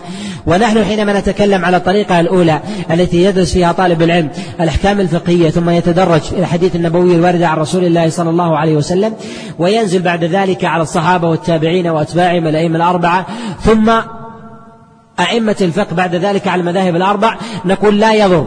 رجع إلى مذهب أبي حنيفة أو رجع إلى مذهب أحمد أو مذهب الشافعي أو مذهب مالك. وكلما توسع طالب العلم في هذه المذاهب رجع إلى جميعها وأخذها على سبيل التحرير كما يأتي كما يأتي الكلام عليه بإذن الله. فإن ذلك أوسع لطالب العلم حتى يعرف الأقوال المرجوحة وطرائق الأئمة في الترجيح ويعرف أصول كل مذهب. حتى يرد على كثير من المذاهب حينما يرجحون قولا من الأقوال الفقهية التي لا تتناسب مثلا مع قواعدهم أو تخالف الدليل أو يردهم بخلافهم لإمامهم فإنه يكون من أهل البصيرة في ذلك. ولكن من جهة الرجوع لا ضر على طالب العلم أن يتوسع. وكثير من من طلاب العلم أو كثير من ممن يتلقى يقول أن هذه الطريقة هي طريقة آه، تنحي كثيرا من أقوال الفقهاء وكتب الفقه. نقول هذه طريقة لا تنحي كلام الفقهاء. وإنما تجعل كلام الفقهاء هو من الكلام المتأخر كما أنه تأخر زمنا فإنه يتأخر كذلك احتجاجا. فإن الحجة بالسنة ثم الصحابة ثم التابعين ثم الأئمة الأربعة ثم يضع الفقهاء موضعهم اللائق بهم. فإن طالب العلم إذا أخذ هذا الفقه من جهة الأصل ثم استضاء بكلام الفقهاء فإنه يستطيع أن أن يعتني بكثير من المسائل الفقهية التي لا يجدها في كلام السلف من المسائل النوازل كذلك التوسع في أبواب النظر والقياس والاستحسان. وكذلك المصالح المرسلة والذرائع فإن هذا يجد فيه توسعا في كلام الفقه في كلام الفقهاء من المذاهب الأربع وغيرهم ما لا يجده في كلام ما لا يجده واضحا بينا في كلام في كلام السلف. فينبغي لطالب العلم أن يعتني بهذه الطريقة فإنها تلحقه قوة ومتانة في أبواب في أبواب الفقه والترجيح وكذلك الثقة في في القول. ونحن نلمس عند كثير من المتفقهة الذين يطلبون العلم في أبواب الفقه عدم الثقة في كثير من الترجيحات. وتجد طالب العلم يمر على كتاب من الكتب كتاب الطهارة وكتاب الصلاة يجد أنه ترجح لديه بعض المسائل وهو ليس على يقين بها لأنه سلك طريقا ليس هي الطريقة ليست هي الطريقة التي تجعل طالب العلم يرسخ ويتبين. وذلك أن طالب العلم إذا أخذ قول فقيه يتهيب أن يخرج لديه دليل لا يعلم به. فنقول نحن خذ الدليل الأصلي من السنة حتى تكون على بينة وخذ كذلك الفهم فهم الصدر الأول ثم تنزل ثم توسع بكلام الفقهاء وأنزلهم منازلهم لأن مرجعك ومرجعهم هو هو الكتاب وكذلك السنة وخير القرون كما تقدم الإشارة الإشارة إليه. أما أئمة الفقه في السلف الصالح الذين ينبغي لطالب العلم أن يعتني بهم. وهذا بعده يأتي الكلام على مذاهب الأئمة الأربع وكذلك ما ينبغي لطالب العلم أن يعتمد عليه في غير المذاهب الأربع. نقول ينبغي لطالب العلم أن يعرف فقه البلدان. السلف الصالح إذا أطلقنا الكلام فيهم هم جماعات. الأصل فيهم أنهم مرضيون. منهم من هو من أهل الفقه ومنهم من هو من أهل الرواية ومنهم من هو من أهل الدراية ومنهم من هو من أهل المعرفة والفقه في باب ومنهم من هو من أهل الاختصاص في باب معين. دون باب دون باب معين. الصحابة عليهم رضوان الله تعالى جمع غفير. منهم الأعرابي النائي الذي رأى النبي عليه الصلاة والسلام مرة وأدركه الفضل. ومنهم من هو فقيه مختص بالملازمة رسول الله صلى الله عليه وسلم. ومنهم من هو مختص بأبواب مسائل الغزوات والسرايا ومعرفة مواضع الجهاد. ومنهم من هو مختص بأبواب الأقضية. ومنهم من هو مختص بأبواب الفرائض. فلما تباين أصحاب رسول الله صلى الله عليه وسلم عناية فكذلك التابعون فإنهم فإنهم يتباينون من جهة الإدراك. كذلك أيضا ينبغي لطالب العلم أن يعرف أن السلف الصالح كما أنهم يتباينون في ذواتهم. كذلك فإنهم يتباينون من جهة من جهة بلدانهم بتحقق العلم في تلك البلدان. فإن الشريعة إنما نزلت بمكة والمدينة لم تنزل في غيرها إلا بنزل يسير. والنبي عليه الصلاة والسلام إما في طريقه إلى مكة أو في طريقه في بعض الغزوات كذهابه إلى تبوك ونحو ذلك وإلا فالوصل فإن الوحي نزل نزل على أهل هذين البلدتين فينبغي لطالب العلم أن يعتني بفقههم وأن يقدم فقه هؤلاء على غيرهم ما وهم المكيون والمدنيون من الصحابة والتابعين. والصحابة عليهم رضوان الله تعالى قد انتقلوا. وكذلك أيضا ينبغي لطالب العلم إذا أراد أن ينظر في فقه خير القرون أن ينظر في اختصاص الصحابة عليهم رضوان الله تعالى. منهم من اعتنى بالقضاء ومنهم من اعتنى بالأحكام ومنهم من اعتنى بالفرائض ومنهم من إذا وجد قوله وقول صحابي آخر فليعلم أن قول هذا الصحابي الآخر هو مؤيد لقول الآخر على سبيل التقليد والاقتداء لا على سبيل لا على سبيل التمحيص. فإن الصحابة عليهم رضوان الله تعالى مدارس. فعمر بن الخطاب عليه رضوان الله تعالى هو ممن توسع بالقضاء وأمر بكثير من المسائل الفقهية وولى بعض الصحابة عليهم رضوان الله تعالى بمسائل القضاء. وحينما ننظر للقضاة من أصحاب رسول الله صلى الله عليه وسلم الذين اعتنوا بالقضاء نجدهم ستة أبو بكر وعمر. نجد أنهم ستة أبو عمر بن الخطاب وعلي بن أبي طالب وأبي بن كعب وأبو موسى الأشعري وعبد الله بن مسعود وزيد بن ثابت عليهم رضوان الله تعالى. هؤلاء قد اعتنوا اعتنوا بأبواب القضاء. ونجد أنهم عند التمييز مدرستين مدرسة عمر بن الخطاب ومدرسة علي بن أبي طالب. مدرسة عمر بن الخطاب عليه رضوان الله تعالى أبو موسى الأشعري عليه رضوان الله تعالى. وابن مسعود وأبي بن كعب. ونجد كذلك مدرسة علي بن أبي طالب عليه رضوان الله تعالى هي زيد أبن ثابت وكذلك أيضا بعض فقه وأقضية عبد الله بن مسعود وأبي بن كعب وإن كان التغليب في قضاء أبي بن كعب وعبد الله ابن مسعود يوافق علي بن أبي طالب عليه رضوان الله تعالى في كثير في كثير من أحواله.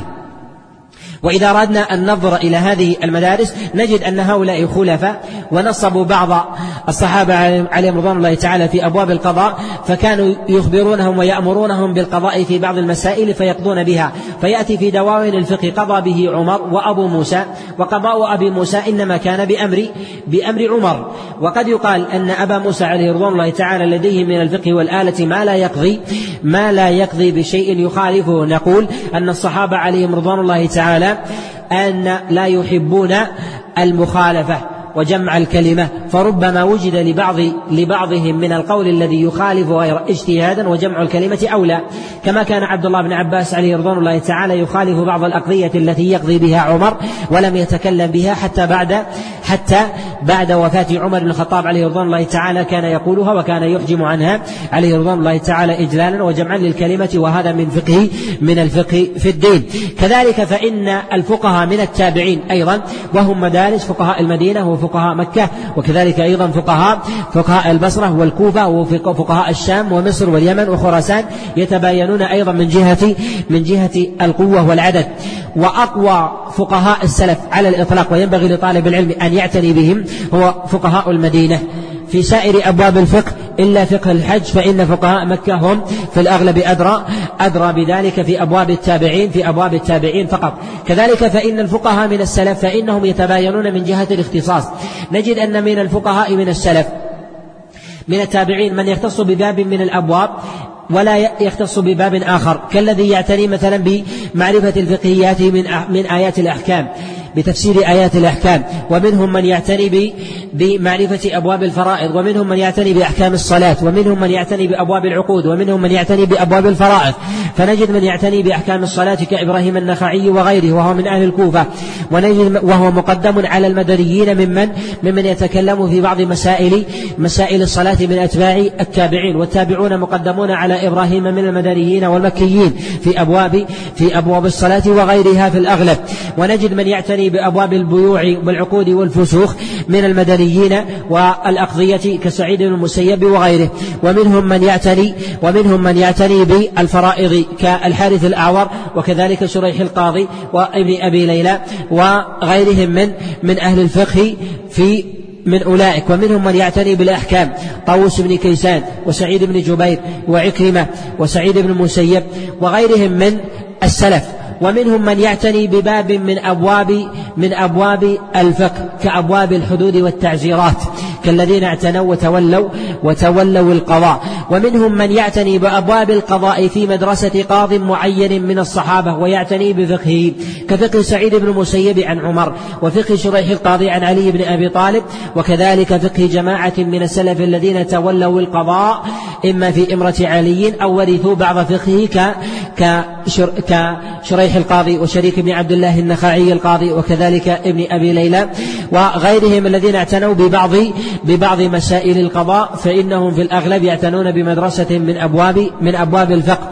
فينبغي لطالب العلم أن يكون من أهل السبر بمعرفة مدارس الفقه في الصدر الأول حتى إذا وقع لديه نوع من التراد استطاع أن يرجح قولا قولا على آخر. فإن طالب العلم إذا لم لم يملك آلة الترجيح في الصدر الأول يجعل الفقهاء في كفة واحدة ويتعامل مع التابعين أنهم أنهم في كفة واحدة. ولا يميز هل هذا من المكيين أو هذا من الكوفيين فإن فقه الكوفة ولو كان ولو كان متقدما يتقدم عليه فقه المدنيين في بعض المسائل ولو كان متأخرا لأنهم أقرب للإرث للإرث النبوي ما داموا في طبقة واحدة. وكذلك ينبغي أن يعلم أن بعض الفقهاء ولو كانوا من أهل الآفاق أنهم يشتركون مع بعض الفقهاء من من المدنيين لأنهم قد أخذوا الفقه من المدنيين فلهم مدرسة وعناية في أمور العبادات. كبعض الفقهاء من أهل الكوفة كعلقمة وعبد الرحمن بن يزيد والأسود وأبي الأحوص وغيرهم الذين لهم مشارب في أبواب الفقه. وهناك من لا يعتني بأبواب الفقه من أخذ من أهل المدينة وإنما يعتني بأخذ الفقهيات من أهل الكوفة كبعض أتباع التابعين كحماد بن أبي سليمان وابن أبي ليلى وغيرهم الذين أخذوا بعض مسائل الفقه من من من أهل الآفاق. ولهم شيء من الفقه الذي الذي يصل إلى أهل مكة والمدينة. فليعلم أن طالب العلم إذا لم يعرف مراتب الفقهاء فإنه لم يكن من أهل التمييز. وكثير ممن يتفحص أقوال السلف في ذلك من أبواب الفقه. ينظر في دوابين الفقه التي تعتني بالخلاف العالي من ذكر خلاف السلف الصالح ويرى أسماء التابعين ولا يميز هؤلاء من أي المدارس وهذا من أي اختصاص ونحو ذلك. فإذا لم يكن من أهل الاختصاص ومعرفة المدارس يجد أن يجد لديه فضول يجد لديه اضطراب في أبواب الترجيح. ويميل في الغالب إلى الكثرة أو يميل تارة إلى إلى ما تميل إليه نفسه بالنظر إلى عالم من العلماء. فتجد مثلا بعض بعض طلاب العلم من يعتني بفقه مثلا السلف فينظر إلى عالم من العلماء ويجله في باب ويظن أن إجلاله هذا يطرد في سائر أبواب الفقه. وهذا وهذا فيه ما فيه. فتجد أن الإمام أحمد عليه رحمة الله في أبواب الصلاة يرجح قول بعض التابع بعض أتباع التابعين على قول بعض التابعين ولو كان مدنيا. فتجد أن الإمام أحمد عليه رحمة الله تعالى في أبواب الصلاة يقدم قول إبراهيم النخعي على قول غيره ولو كان من بعض الفقهاء من طبقته من أتباع التابعين ولو من المدنيين كذلك يقدم قول بعض الفقهاء في بعض المعاملات من العقود والبيوع وغير ذلك كسعيد المسيب على غيره. كذلك في أبواب المناسك عن عطاء بن أبي رباح وغيره. فليعلم أن الفقهاء على مدارس متنوعة. كذلك أيضا كما أنه كما أنه في السلف الصالح كذلك أيضا في المتأخرين فهم على مدارس على مدارس متنوعة. إذا أردنا أن ننظر في كلام السلف الصالح و مدارسهم في ذلك. نجد أن من أراد أن يضبط هذه القواعد لا يكاد يجدها مدونة في مصنف معين ولكن تحتاج إلى صبر وتمحيص وأن يديم النظر في كلام الفقهاء. وإذا نظر في أبواب الفقه والطهارة ومحصها ونظر في فقه هذا الإمام وعناية ثم سبرها بالأبواب التي تليه يجد أن طالب العلم يتمحص لديه كثير من الأقوال التي لا يكاد يجد لها يجد لا يكاد لا يجد لها تفسيرا إلا إلا اختصاص بعض الأئمة في باب دون دون باب باب آخر. كذلك أيضا بعض الأئمة من السلف لهم من الجلالة بالرواية لكنهم ليسوا من أهل من أهل الدراية فينبغي أن يكون طالب العلم على بينة على بينة من ذلك. كذلك أيضا فإن الأئمة الأربعة إذا أراد طالب العلم أن يتمذهب على أحد المذاهب فليعلم أن بعض الأئمة الأربعة لديهم من الاختصاص ما تعذر الحصول عليه من بعض الأئمة الآخرين. ولكن إذا أراد طالب العلم أن ينظر إلى مجموع المرجحات ربما يترجح لديه لديه إمام من الأئمة لعنايته بالأدلة. ولكن تجد أن بعض الفقهاء من غيره لديه اختصاص في باب من الأبواب مما لم يتمكن لغيره. فتجد الإمام مالك عليه رحمة الله من أصح الأئمة الأربعة أصولا. وذلك أنه تحصل لديه مما تعذر على غيره الوصول لديه. حتى لو أرادوا لا يمكن أن يتحصل لديه وهو عمل المدينة. عمل المدينة يحتاج معايشة وصبر. وهذا وهذا لم يكن لأحد إلا الإمام مالك عليه رحمة الله لأنه أولا تقدم زمنا على الإمام الشافعي والإمام مالك والإمام الشافعي الإمام الشافعي والإمام أحمد عليهم رحمة الله جاءوا بعده زمنا ولو عاشوا في المدينة ما تحصل لديهم من ما تحصل الإمام مالك عليه رحمة الله تعالى من مخالطته لأقوام لم يعي لم لم يدركوهم ممن سلف. كذلك فإن العيش في المدينة تحصل لديه من معرفة قرائن الحال وكذلك أيضا من المرجحات لبعض المسائل الفقهية مما تعذر لمن جاء بعد الإمام الإمام مالك عليه رحمة الله تعالى في هذا في هذا الباب. كذلك بمعرفة بعض القرائن المرجحة لبعض فقهيات السلف الصالح من أهل المدينة مما لم يتحصل للأئمة الذين جاءوا للمدينة وأخذوا منها شيئا كالإمام مالك والإمام أحمد وغيرهم من من الأئمة. لهذا ينبغي لطالب العلم أن يعلم أن أبواب الاختصاص والقوة في المذاهب الأربع موجودة. فينبغي لطالب العلم إذا أراد تمييزا في هذه الأبواب أن يعلم أن باب باب إطلاق القوة في سائر الأبواب أصولا وفروعا لدى المذاهب الأربع أن هذا أن هذا متعذر. ولكن إذا أراد الإنسان الإجمال فإن من أصح أو أصح المذاهب الأربع أصولا هو مذهب الإمام الإمام مالك عليه رحمة الله. وفرق بين قولنا أن أصح المذاهب أن أصح الأئمة الأربع أصولا هو الإمام مالك وبين قولنا أن أصح المذاهب الأربع مذهب المالكية. فثمة فرق بين قولنا أصح المذاهب أصح أصول المذاهب الأربع مذهب المالكية وبين أصح الأئمة الأربعة الإمام مالك الإمام مالك في ذاته في أقواله هو أصح الأئمة الأربعة أصولا. وذلك لقربه من المدينة وعلو أسانيده وكذلك أيضا قرائن الحال التي شاهدها مما لا ينص عليها مما رآه من ممن عايشهم. ف أصدر كثيرا من الأقوال فكثيرا ما يقول لم نسمع بهذا ولم نرى هذا يعني ما لم يكن من عمل من عمل الناس. ونجد أن كثيرا من الأقوال في مذهب المالكية مما يخرج عن قول الإمام مالك مما يورث نفسا عند كثير ممن أراد أن يتفقه في مذهب المالكية فيورث لديه إشكالا. فيقول كيف أميز بين قول الإمام مالك عليه رحمة الله بذاته فأريد أن أدرسه حتى يصح لدي الأصول وكذلك أميز بين بعض اللبس والإشكال. الذي الذي طرأ على مذهب المالكية بأقوال كثيرة تخالف ما عليه الإمام مالك من جهة التمحيص أو الأقوال المتضادة في المسألة الواحدة التي تنسب للإمام مالك عليه رحمة الله. ثم يأخذ بعض المتأخرين من المالكية قولا يخالف ما عليه الإمام مالك. فإن المالكية عليهم رحمة الله إذا أردنا لدى إذا أردنا أن ننظر إلى المالكية من من المتأخرين نجد أن المالكية هم أقل المذاهب الأربع عناية بجمع الأدلة من المتأخرين. أقل المذاهب الأربع عناية بالأدلة المتأخرين بخلاف المتقدمين. المتقدمون هم من أكثر الأئمة عناية بالأدلة. إذا أردنا أن ننظر إلى الكتب التي تعتني بتخريج أحاديث الأحكام نجد أن الشافعية هم أقوى المذاهب الأربع عناية. فنجد الحافظ بن حجر وكذلك ابن الملقن عليه رحمة الله.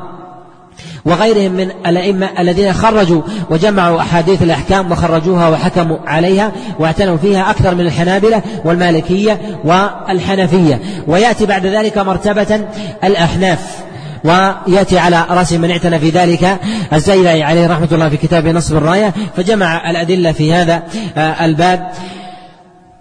فخرجها وحكم عليها ويأتي بعد ذلك مرتبة في جمع الأدلة والحكم عليها مذهب الإمام أحمد عليه رحمة الله ثم بعد ذلك مرتبة مذهب المالكية عليهم رحمة الله في العناية بأدلة المذهب أعني المتأخرين. أما المتقدمون فالمذهب المالكية عليهم رحمة الله ومن أكثر المذاهب عناية بالدليل. فثمة موطأ الإمام مالك وكذلك أيضا كتب عبد البر كالتمهيد والاستذكار فإنهم جمعوا في ذلك أدلة كثيرة.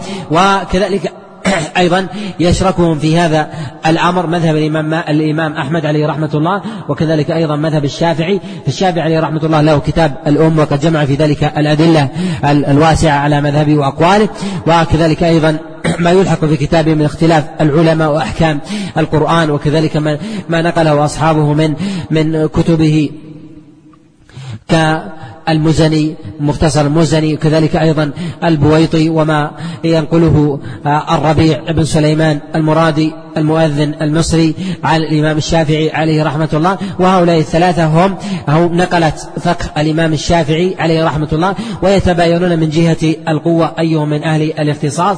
نقول أن أكثرهم تحريرا هو الإمام المزني وأكثرهم ملاصقة له واقتداء بهديه وكذلك إدامة بنظر بأقواله هو الإمام البويطي عليه رحمة الله.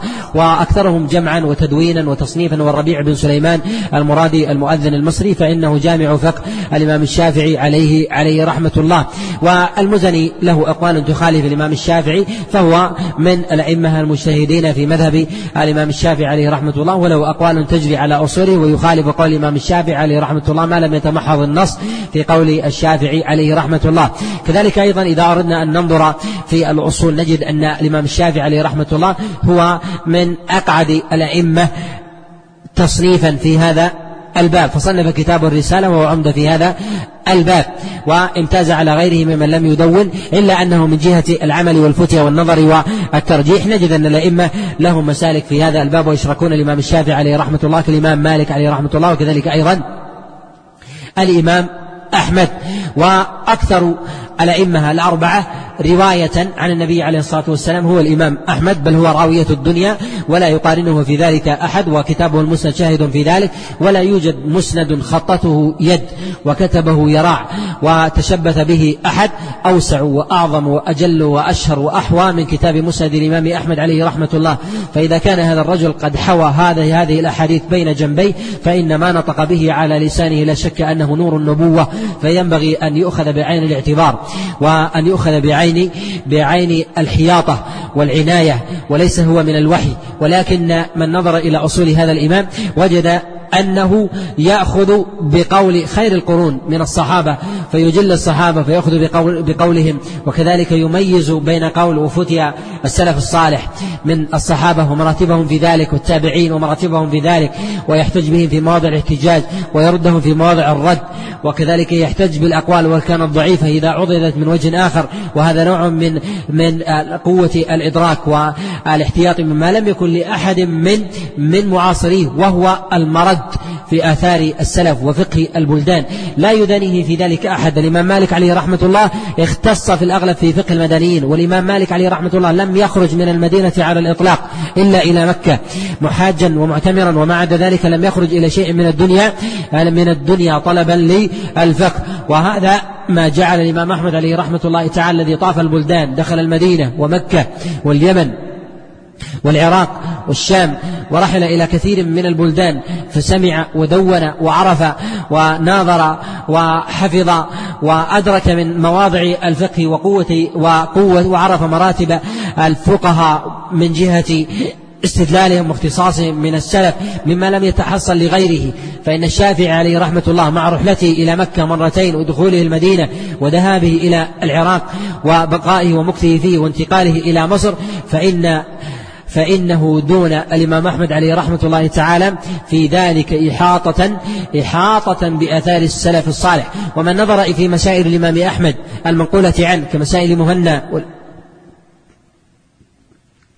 وأبي بكر الأثرم وابنه صالح وعبد الله وحنبل بن إسحاق والخلال وغيرها يجد اطلاعا واسعا لهذا الإمام فلا يكاد, يكاد يسأل عن مسألة من المسائل. احتج إلا احتج بفقه أحد من السلف سواء كان مدنيا أو مكيا شاميا عراقيا أو يمنيا من المتقدمين من الصحابة والتابعين وأتباعهم. يلحق المسألة بالفتيا ولا, ولا يعتمد على قوله ما وجد في ذلك أثرا. وهذا ما ينبغي أن يؤخذ قولا واعتدادا عناية بفقه هذا بفقه هذا الإمام وقد امتاز على غيره في هذا في هذا الباب وينبغي أن أن ينظر إلى هذا الإمام عناية بفقه ومعرفة بأقوال بأقوال السلف الصالح. كذلك أيضا فإن هذا الإمام هو من أقل الأئمة الأربعة رجوعا عن قول قاله رجوعا صريحا وذلك لتمكنه ودقته وعنايته بخلاف غيره. وإن وجدت أقوال فإن منها ما يحمل على التحرير ومنها ما يحمل على نازلة عبرت أرادها وخصها بقول أو فتيا فيحمل تلك المسائل على قولها.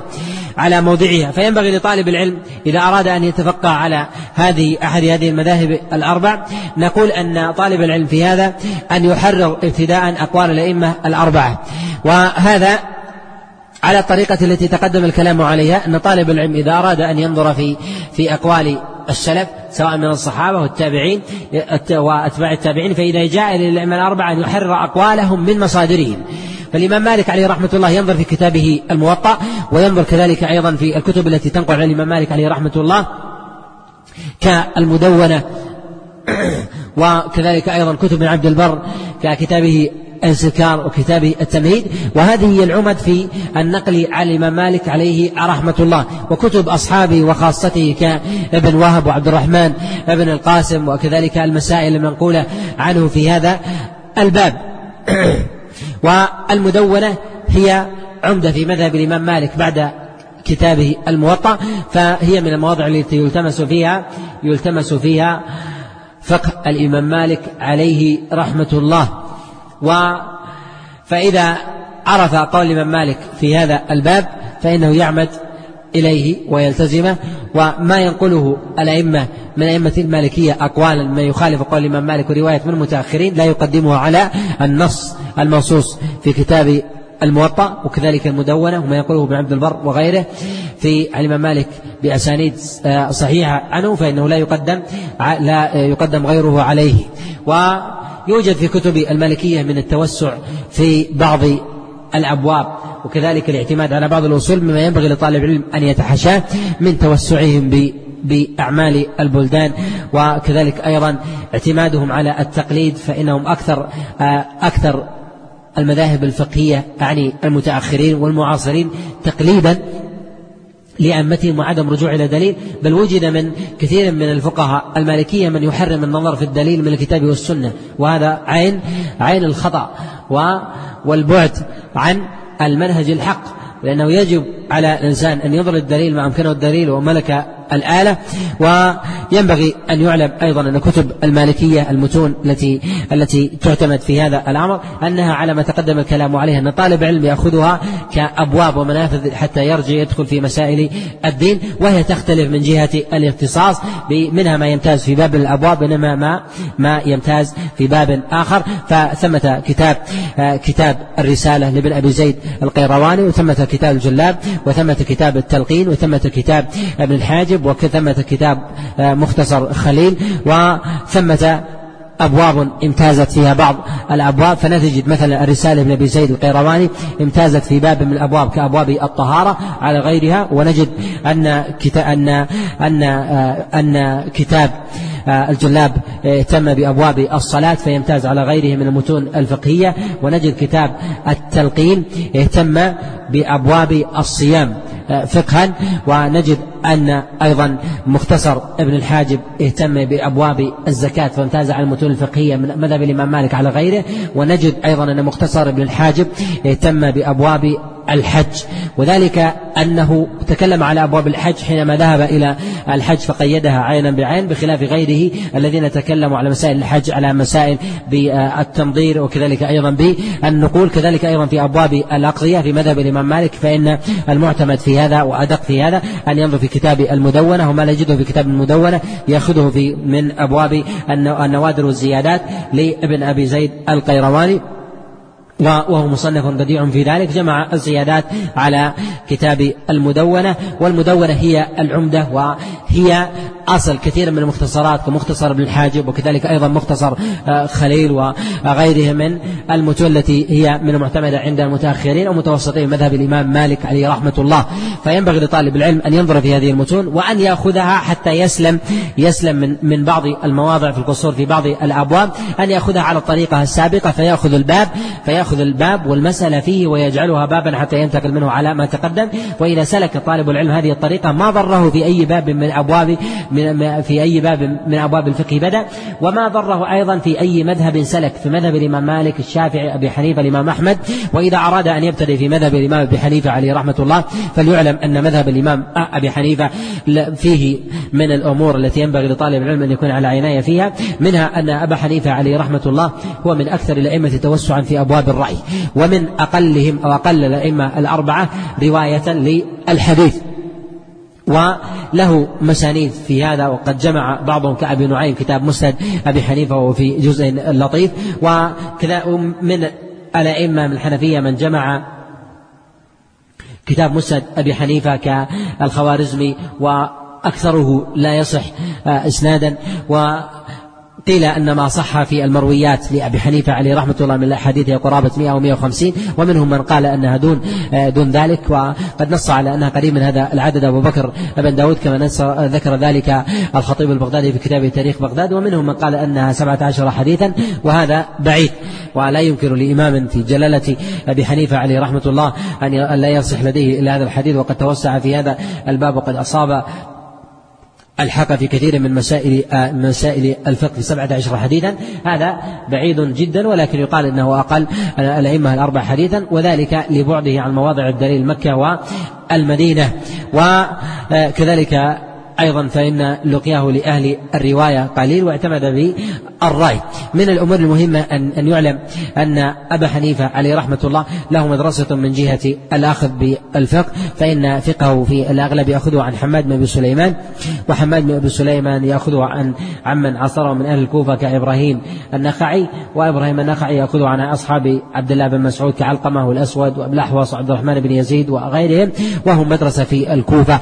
يتباينون يختلفون في قول ويتوافقون في أكثر الأقوال. كأصحاب عبد الله بن مسعود ومن جاء بعدهم وحماد بن سليمان وبن أبي ليلى والشريك وكذلك آه، أيضا شريح القاضي وكذلك آه، أيضا سفيان آه، الثوري. وغيرهم. ممن هم مدرسة فقهية في الأغلب يتوافقون ويختلفون في بعض في بعض أو في كثير من المسائل يتباينون بحسب بحسب أفرادهم من الأمور المهمة أن يعلم أن كثيرا من الأقوال التي تنسب في فقه مذهب أبي حنيفة من المتأخرين أنها ليست أقوالا لأبي حنيفة. فكثير من الأقوال التي تنسب قولا في مذهب أبي حنيفة يجعلها بعض المتأخرين قولا لأبي حنيفة فيقولون قال قال أبو حنيفة. و أورث هذا إشكالا في المسائل المروية عن أبي حنيفة. حتى ذكر بعض الفقهاء من الحنيفة من الحنفية كالإمام النهرواني عليه رحمة الله أن الفقهاء من المتأخرين من الحنفية ينظرون في الأقوال التي يقول بها الزفر وأبو يوسف ومحمد بن حسن فإذا وجدوها جعلوها قولا لأبي حنيفة. وهذا سبب كثرة الأقوال المنسوبة لأبي حنيفة في كتب الفقه وإذا أراد الإنسان أن ينظر في الأقوال الأصول أو كتب الأصول التي فيها نصوص عن أبي حنيفة ككتاب الآثار لمحمد بن الحسن وأبي يوسف وكتاب الأصل والحجة إلى المدينة وغيرها من المرويات عن أبي حنيفة كروايات جملة من أصحابه الذين عاينوا أبي حنيفة عليه رحمة الله. يجد أن المسائل في ذلك قليلة وقد ذكر ابن عابدين عليه رحمة الله. أن المسائل التي تروى عن أبي حنيفة مع كثرتها إلا أن أصحاب أبي حنيفة المختصين به كأبي يوسف ومحمد الحسن يخالفونه في ثلثي المذهب في ثلثي المذهب وهذا مع المبالغة فيه ليس على هذا النحو ولكنه ربما أراد التكثير فنقول خالفوه في كثير من المسائل. إذا كانوا خالفوه في كثير من المسائل والمتأخرون أو كثير أو بعض المتأخرين من الحنفية يجعلون قول أبي يوسف محمد الحسن فيما لم يوجد قول لأبي حنيفة فيه. قول لأبي حنيفة هذا يعني أن كثير ما ينسب لأبي حنيفة مما مما لا يصح عنه وما ينبغي التوقف التوقف فيه هذا يحتاط فيه ويحترز. كذلك أيضا يحتاط من الكتب الفقهية التي لا من الكتب التي تعتني بشرح أحاديث الأحكام ولا تعتني بتحرير المذاهب الفقهية. بعض طلاب العلم إذا أراد أن يحرر قولا في مذهب أبي حنيفة يعمد إلى الكتب التي تعتني بشرح أحاديث الأحكام. فيعمد مثلا إلى فتح الباري أو أو شرح صحيح مسلم للنووي أو مثلا الكتب الحديثية ونحو ذلك فيحرر فيها مذهب الإمام أحمد أو مذهب أبي حنيفة. وغير ذلك هذا نوع من القصور. بل كتب المذاهب تحرر من كتب المذاهب بنفسها. وهؤلاء الأئمة عليهم رحمة الله يذكرون آه، ما تناولوه من الكتب من كتب المذاهب ويذكرونها أو ما ينسب لبعض الفقهاء قولا. وكتب أبي حنيفة ما تقدم الإشارة إليه كذلك أيضا من المحررين في مذهب أبي حنيفة وابن عابدين والمحررين المتقدمين أبو جعفر الطحاوي وهو عمدة عمدة محرري مذهب الإمام أبي حنيفة عليه رحمة الله.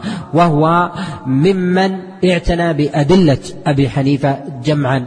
ورواية وإن كان فيه نوع ميل إلى مذهب أبي حنيفة ميلا ربما يخالف فيه بعض في بعض الأحيان ظواهر الأدلة المروية عن رسول الله صلى الله عليه وسلم والثابتة عن بعض الصحابة. كذلك أيضا في مذهب الشافعي كما تقدم الكلام عليه ومحرر مذهب الشافعي تقدم جملة من أصحاب الشافعي ويليهم بعد ذلك تحريرا وعناية جملة من الأئمة عليهم رحمة الله كالإمام الرافعي والإمام النووي وهؤلاء هم عمدة التحرير. والمحررون في مذهب الإمام الشافعي عليه عليهم رحمة الله هم على طبقتين الطبقة الأولى الإمام النووي والرافعي وهؤلاء هم المحررون المتقدمون. والطبقة الثانية المحررون المتأخرون محققو المذهب المتأخرين وهو الرملي وابن حجر الهيثمي. هؤلاء هم محرروا مذهب الإمام الشافعي محققوه من المتأخرين. فما ينسبه المتأخرون مذهبا للشافعي ولا يخرج عن هذين الإمامين. ويختلف الشافعية المشرقيون عن الشافعية المغربيين في آه، عن الشافعية المغربيين من جهة نسبة القول الإمام الشافعي باختلاف اقتدائهم بعضهم بالرمل وبعضهم بابن حجر الهيثمي والإمام أبو حامد الغزالي أيضا ممن اعتنى تنظيما وتنضيدا في مذهب الإمام الشافعي في آه، كتبه في كالوسيط والوسيط وغيرها. اعتنى بذلك جمعا وترتيبا. وإلا أن والنووي عليه رحمة الله والرافعي آه، هم ممن هم آه، أول محرري المذهب بتمامه على سبيل التوسع. فالإمام النووي عليه رحمة الله تعالى في كتبه التحفة وكتابه آه، الروضة وغيرها من كتبه ما حرر به مذهب أبي حنيفة مذهب الإمام الشافعي عليه رحمة الله تعالى واعتنى بذلك عناية عناية تامة. وأما مذهب الإمام أحمد عليه رحمة الله فتحرر من المسائل المروية عنه مباشرة. وما لم يوجد فيه قول أو وجد قولان للإمام أحمد في مسألة من المسائل ووجد حديث في كتابه المسند. فإن هذا الحديث وجودا هو يرجح إن صح إسنادا يرجح هذين أحد هذين القولين. وهذا كما أنه عند الإمام أحمد عليه رحمة الله كذلك عند الإمام مالك وكذلك أيضا عند الشافعي. قد نص في هذا القول وقد اختلف أصحاب الإمام أحمد عليه رحمة الله في الترجيح بين بين روايتين. تروى عن الإمام أحمد وقد أورد دليلا في كتابه المسند يؤيد إحدى الروايتين ولا مرجح. اختلفوا في ذلك هل هذا من المرجحات أم لا. بعضهم قال أنه مرجح وصواب أنه من المرجحات. إذا صح في ذلك الدليل ووضح وصرح الاستدلال في آه، كلام رسول الله صلى الله عليه وسلم مما أورد الإمام أحمد في كتابه المسند. والإمام أحمد تحرر أقواله من من مسائله وكذلك من أصحابه ملاصقين له. وهناك من الأئمة من ينسب الإمام أحمد أقوال ولو كانت مسندة فنقول إن أصحابه أولى بالأخذ. وهناك من الأئمة من ينسب الإمام أحمد كابن عبد البر وغيره بواسطة بعض أصحابه كأبي بكر الأثرم. نقول ما جاء عن بعض أصحاب المختصين به كأبي بكر الأثرم ونحوه فإن هذا من العمد. وأما ما يرسل إرسالا نسبة الإمام أحمد فإنه لا يقدم عمن نص عنه في مسائله المعروفة مما تقدم الإشارة الإشارة إلى جملة منها.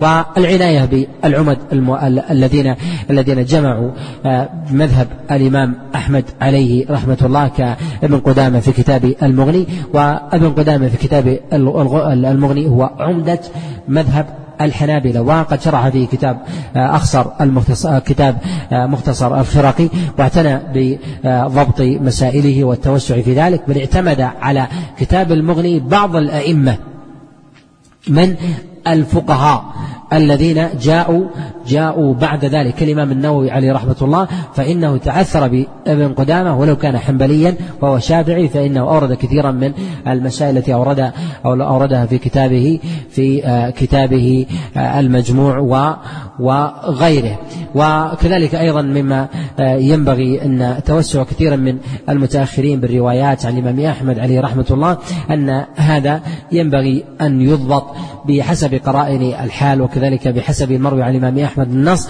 ويفرق بين النص والقول الصريح وبين الرواية التي تنسب عن الإمام أحمد وبين الوجه والتخريج الذي الذي يخرج على بعض أقواله في النص الصريح فإنه يقدم يقدم على على غير قدر الوسع والإمكان. وكذلك أيضا ما كان في مذهب الإمام مالك وتقدم الإشارة إليه ينبغي أن يعلم أن طالب العلم لا بد أن يكون له متن في هذه المذاهب. في هذه المذاهب يعمد إليه حتى يعرف ما عليه المذهب. إما ويفضل في ذلك أن يكون لديه محفوظا في كل مذهب من هذه المذاهب. يبتدئ في بعض أحد هذه المذاهب كمالك أو أحمد يبتدئ فيه أو الشافعي ويضبط متن من المتون ثم يعمد إلى إلى المذهب الآخر أو يضبط الزيادات فيه ويعرف مواضع الاختلاف ومواضع أيضا الافتراق. كذلك أيضا من المهمات أن يعرف المذاهب التي ليست على طريقة الأئمة الأربعة. كالظاهرية. الإمام ابن حزم الظاهري لا ينصح طالب العلم المبتدئ بالنظر أو الأخذ من كتبه ابتداء على سبيل الاستقلال والانفراد. وذلك لأن هذا الإمام مع توسعه وقوته وعنايته بالآثار إلا أن بعده عن مواضع الدليل ومعاقل الإسلام أثر على كثير من آرائه. كذلك فإن أصوله أثرت على كثير من ترجيحاته. فينبغي لطالب العلم أنه بعد التمحيص السابق أن يرجع إلى كتب ابن حزم نظرا. وذلك فإن كتب ابن حزم فيها جملة من الفوائد. منها أنه دقيق الاستدراك على المذاهب الأربع. وهذا من المسائل المهمة. فإنه يلزم المذاهب ببعض أصولهم. فإن له دراية وعناية بجملة من الأصول. وخاصة آه، خاصة جملة من المذاهب التي يعتني بالرد عليها كمذهب الحنفية. وكذلك أيضا مذهب الشافعية والمالكية. وهو يكثر الوفاق لمذهب الإمام أحمد عليه رحمة الله باعتبار أنه أقرب المذاهب إلى الدليل ويجله ولا يكاد يلمز مذهب الإمام أحمد عليه رحمة الله وأكثر المذاهب لمزا ومذهب أبي حنيفة عليه رحمة الله ويعنف ويشدد لأنهم مبتعدون عن الدليل ثم يليه بعد ذلك مرتبة مذهب الإمام مالك والشافعي. ومن الميزات التي يستفيد طالب العلم في عناية الفقه في كتب ابن حزم بعد الطريقة السابقة أن ابن حزم يلزم المذاهب بأصولها. لماذا لا تأخذون بكذا؟ فإذا رجحوا قول من الأقوال نقول يقول أنتم تعتمدون على قول ابن عمر فلماذا لم تأخذوا به هناك؟ وأنتم الشافعية تعتمدون على قول ابن مسعود فلماذا لم تأخذوا به هناك؟ وقد صح الدليل وأخذتم به هنا. فيلزم هؤلاء بهؤلاء وكل فيستفيد طالب العلم طريقة الحجج والمناظرة والإلزام ومعرفة الأصول مما لا يتيسر لطالب العلم. فإن طالب العلم إذا أخذ مذهبا على سبيل الاستقلال ويدور مع هذا المذهب ولا يعرف مواضع التضارب فيه والاستثناءات فيسلك الطريق بما بما فيه. ف يسلم لطالب العلم أن يعرف مواضع الاحتجاج فإنه من أهل من أهل الإبداع في في في المناظرة للأئمة الأربع وإن كان لا يوافق على كثير من نتائجه ولكن طريقته في المناظرة هي من, من الأمور المهمة لكن ليس على سبيل البداية ولكن يرجع إليه طالب العلم بعد آه، معرفته وإلمامه بالطريقة السابقة بهذا آه، كفاية. ونسأل الله جل وعلا أن يجعلني وإياكم من آه، المهتدين الموفقين الذين يستمعون القول ويتبعون أحسنه. ونبدأ بالأسئلة فيما يخص الباب. فحسب. يقول هل طالب العلم المبتدئ مطالب بالطريقة التي ذكرتم أم أنه يبدأ بالتقليد؟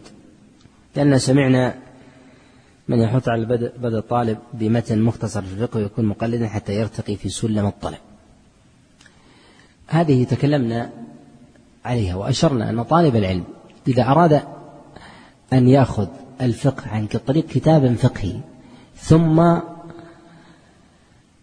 يقفز إلى الدليل مباشرة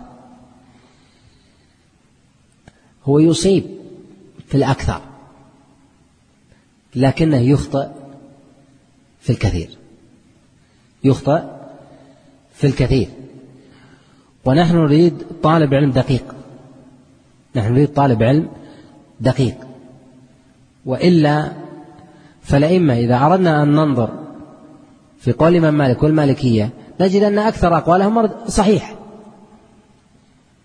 فهم يتفقون على أصول الإسلام وفروع الدين ونحو ذلك لكن نريد تعصيل صحيح. وإلا الأخذ عن طريق كتاب فقهي يعمد إليه طالب العلم ثم يرجع إلى الدليل فقط. هذا يورد إشكالات. منها عدم معرفة المسائل أو عدم معرفة الأحاديث التي هي صريحة أو صريحة الاستدلال والدلالة والعمل على خلافها. ولو كان بعض المتأخرين يقول بها.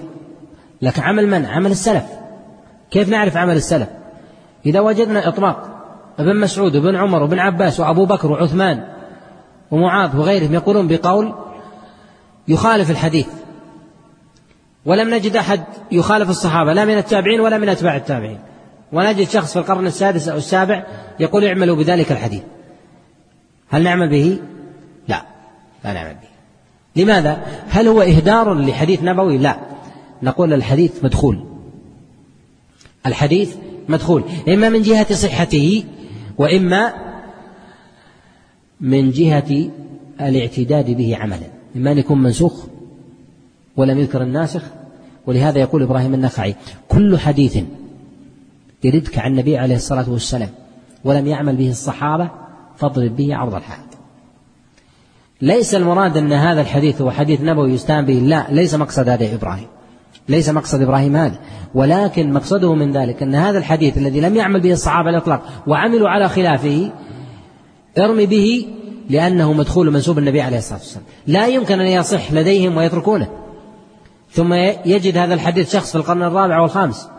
ثم يريد أن يعمل أن يعمل به. وهذا وهذه مسائل ينبغي للطالب أن يهتم. لا تتحصل لطالب العلم على هذه الطريقة. كذلك أيضا في المسائل التي فيها خلاف. المسائل التي فيها خلاف. إذا أخذ الدليل يجد دليلين في مسألة واحدة. إذا رجع إلى مسألة معينة في باب ثم أراد أن يرجع إلى النص يجد دليلين في المسألة. إلى أيهما رجح يرجح ما في الكتاب. إذا الدليل الآخر إما أن يعيه تعيه الحجة ويضطرب فيصبح متمذهب وإما أن يسلك الطريقة التي تحل لديه الإشكال تحل لديه الدليل الآخر ويصبح لديه الجواب. الطريقة بالتسلسل الذي تقدم الكلام عليه تحل لدى طالب العلم الإشكال الذي يرد في ذهنه تلقائيا. إذا أخذ الدليل ثم نظر فقه السلف وعرف درجاتهم وتمايزهم وطبقاتهم والتابعين وأتباع التابعين نظر الأئمة الأربعة ثم ثم بعد ذلك رجع إلى المتن الذي لديه عرف الصواب مباشرة. لا يحتاج إلى لا يحتاج إلى عناء. ولا يستشكل كثيرا من من المسائل. ولهذا يقول بعض أهل العناية من الأئمة يقول الفقه بحاجة أن يرجع إلى معينه الصافي إلى الأئمة الأربعة إلى أتباع التابعين فالتابعين فالصحابة في الكتاب والسنة. الطريقة التي يأخذها طلاب العلم أو بعض المتفقهة الطريقة العكسية وهو أن يأخذ الفقه من المتن الفقهي ثم يعمد إلى الترقي. يأخذ الكتاب الفقهي من كلام الإمام ثم يذهب إلى الأئمة الأربعة ثم أتباع التابعين ثم التابعين ثم الصحابة. هذه تؤثر عليه لأنه إذا بدأ من من من المتن الفقهي ثم ذهب إلى كلام أحد الأئمة الأربعة بحسب الكتاب الذي من إليه ثم ذهب إلى التابعين. أصبح لديه قول راجح وقوة في هذا الإمام وهو أول ما وصل لديه. ثم يجد خلاف. أتاه شخص لا يجد في في نفسه تعظيم. لهذا الشخص المعظم أصلا لأنه ما عرف قيمته. كثير من الناس تقول له قال الإمام أحمد قال مالك قال أبو بكر لا يلتفت. أليس هذا صحيح؟ تقول قال ابن عباس لا يشكل لا يشكل شيء. ثقل فقهي حينما تقول قال أحمد وقال مالك. أليس هذا صحيح؟ هذا هذا اللي أراه سائد وهذا مشكل. الإشكال في هذا أن طالب العلم حينما ينزل المسألة في موضعها ويأخذها على الطريقة يسهل لديه ولا يتهيب أحد. لا يتهيب لا يتهيب أحد. قد يقول قائل هل هذا تسهيد في كتب المتأخرين؟ نقول لا ولكن هو وضع لها في نصابها. وضع لها في نصابها وأنه يؤخذ الكتاب من الدليل ثم ينزل ويتدرج فيه. فإذا سلك الطريق الإنسان هذه الطريق وجد هيبة للسلف للصحابة للتابعين اتباع التابعين يفصل ولا يبالي ويحسم في كثير من مواضع الخلاف لأنه يعرف هؤلاء ماذا ينطقون ومراتبهم من جهة القوة. وعدمها في كثير من مسائل في كثير من مسائل الخلاف. وكثير من ما يستشكل طالب العلم الأقوال المتعددة على الإمام الواحد في المسألة. نقول الصحابة هم أقل القرون تعددا للمسألة الواحدة. بل تجد الأقوال المنسوبة لمالك والشافعي متعددة وتجدها للصحابي الواحد واحد. قول واحد لا يخالف. فهو محسوم وأيسر. ثم بعد ذلك إذا تعدد لديك الأقوال ولم تجد مرجح تحسم. فلا ترجح بناء على القول الفقهي الذي لديك. وهذا وهذه الطريقة هي المقصودة. يقول هل من فهم الفقه حفظ المتون؟ نعم. لا بد لطالب العلم من متن يحفظه. ومن رام فقها من غير حفظ فهو يروم جبل وعر.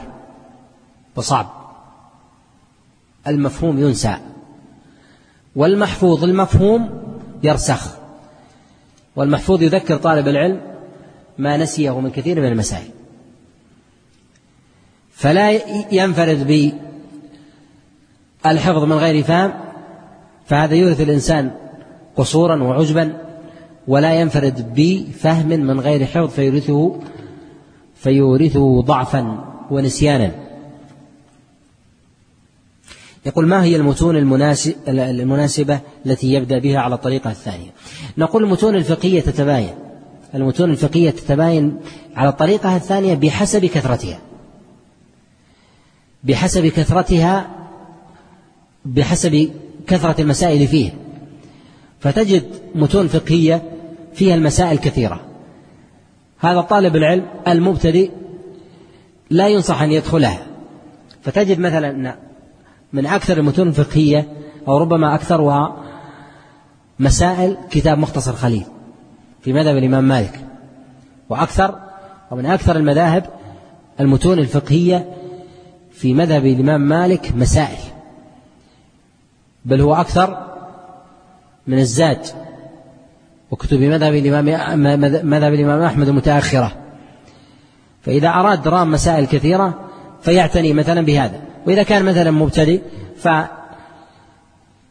يتسهل في هذا. كان مذهب مثلا في مذهب الإمام مالك الرسالة أو أو مثلا في مذهب الإمام أحمد كدليل الطالب أو أخصر المختصرات أو أو مختصر الخرقي وغيره. يقول تعتمد الطريقة التي ذكرتموها على معرفة طالب علم الفقه بعلم الحديث لكي يعرف الحديث الصحيح من الضعيف ويعرف أخبار الصحابة صحة وضعفا. فهل الأفضل لطالب علم الفقه حتى لو كان مبتدئ أن يبدأ بدراسة علم الحديث دراية ورواية؟ نقول الكلام في هذا من المهم جدا.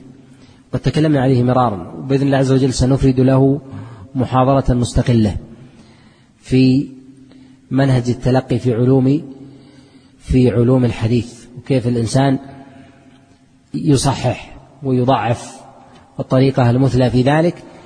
وهي أيضا من المشكلات. في دراسة الفقه لكن نقول لا حرج على طالب العلم ابتداء إذا شق عليه أن أن يدقق ويتوسع أن يقلد في هذا الباب حتى يملك الآلة أن يقلد في هذا الباب من يصحح ويضعف ولو استقل ووجد وقتا بدراسة علم الحديث وهو علم يسير. يقول هل يكفي طالب العلم أن يعمد إلى متن فقهي قد شرحه عالم متمكن يغنيه عن البحث. نقول الاستشراح استشراح المتون الفقهية على العلماء مطلب ومهم جدا. وهذا لا يغني الشيخ أن يسلك الطريقة في بيان المسائل الفقهية لطلاب العلم حال الشرح ولا يغني الطالب أيضا عن تتبع المسائل. ولو كان الشيخ مثلا لا يسلك هذه الطريقة يحضر لديه. طالب العلم ويتتبع ويبحث وينظر هو ويدقق في المسائل حتى يتحصل لديه ربما ما لا يتحصل لشيخه. يقول هنا أين مضان أقوال الصحابة وعملهم؟ تقدم الكلام على هذا ذكرنا الكتب في ثناياه فليرجع الأخ إلى مضمون المحاضرة يقول كيف نعرف مراتب السلف؟ وبمن اختص منهم بباب دون باب. نقول هذا يعرف طالب العلم بالسبب. يديم النظر ويضبط ويستحضر الذهن حال نظره في المسائل حتى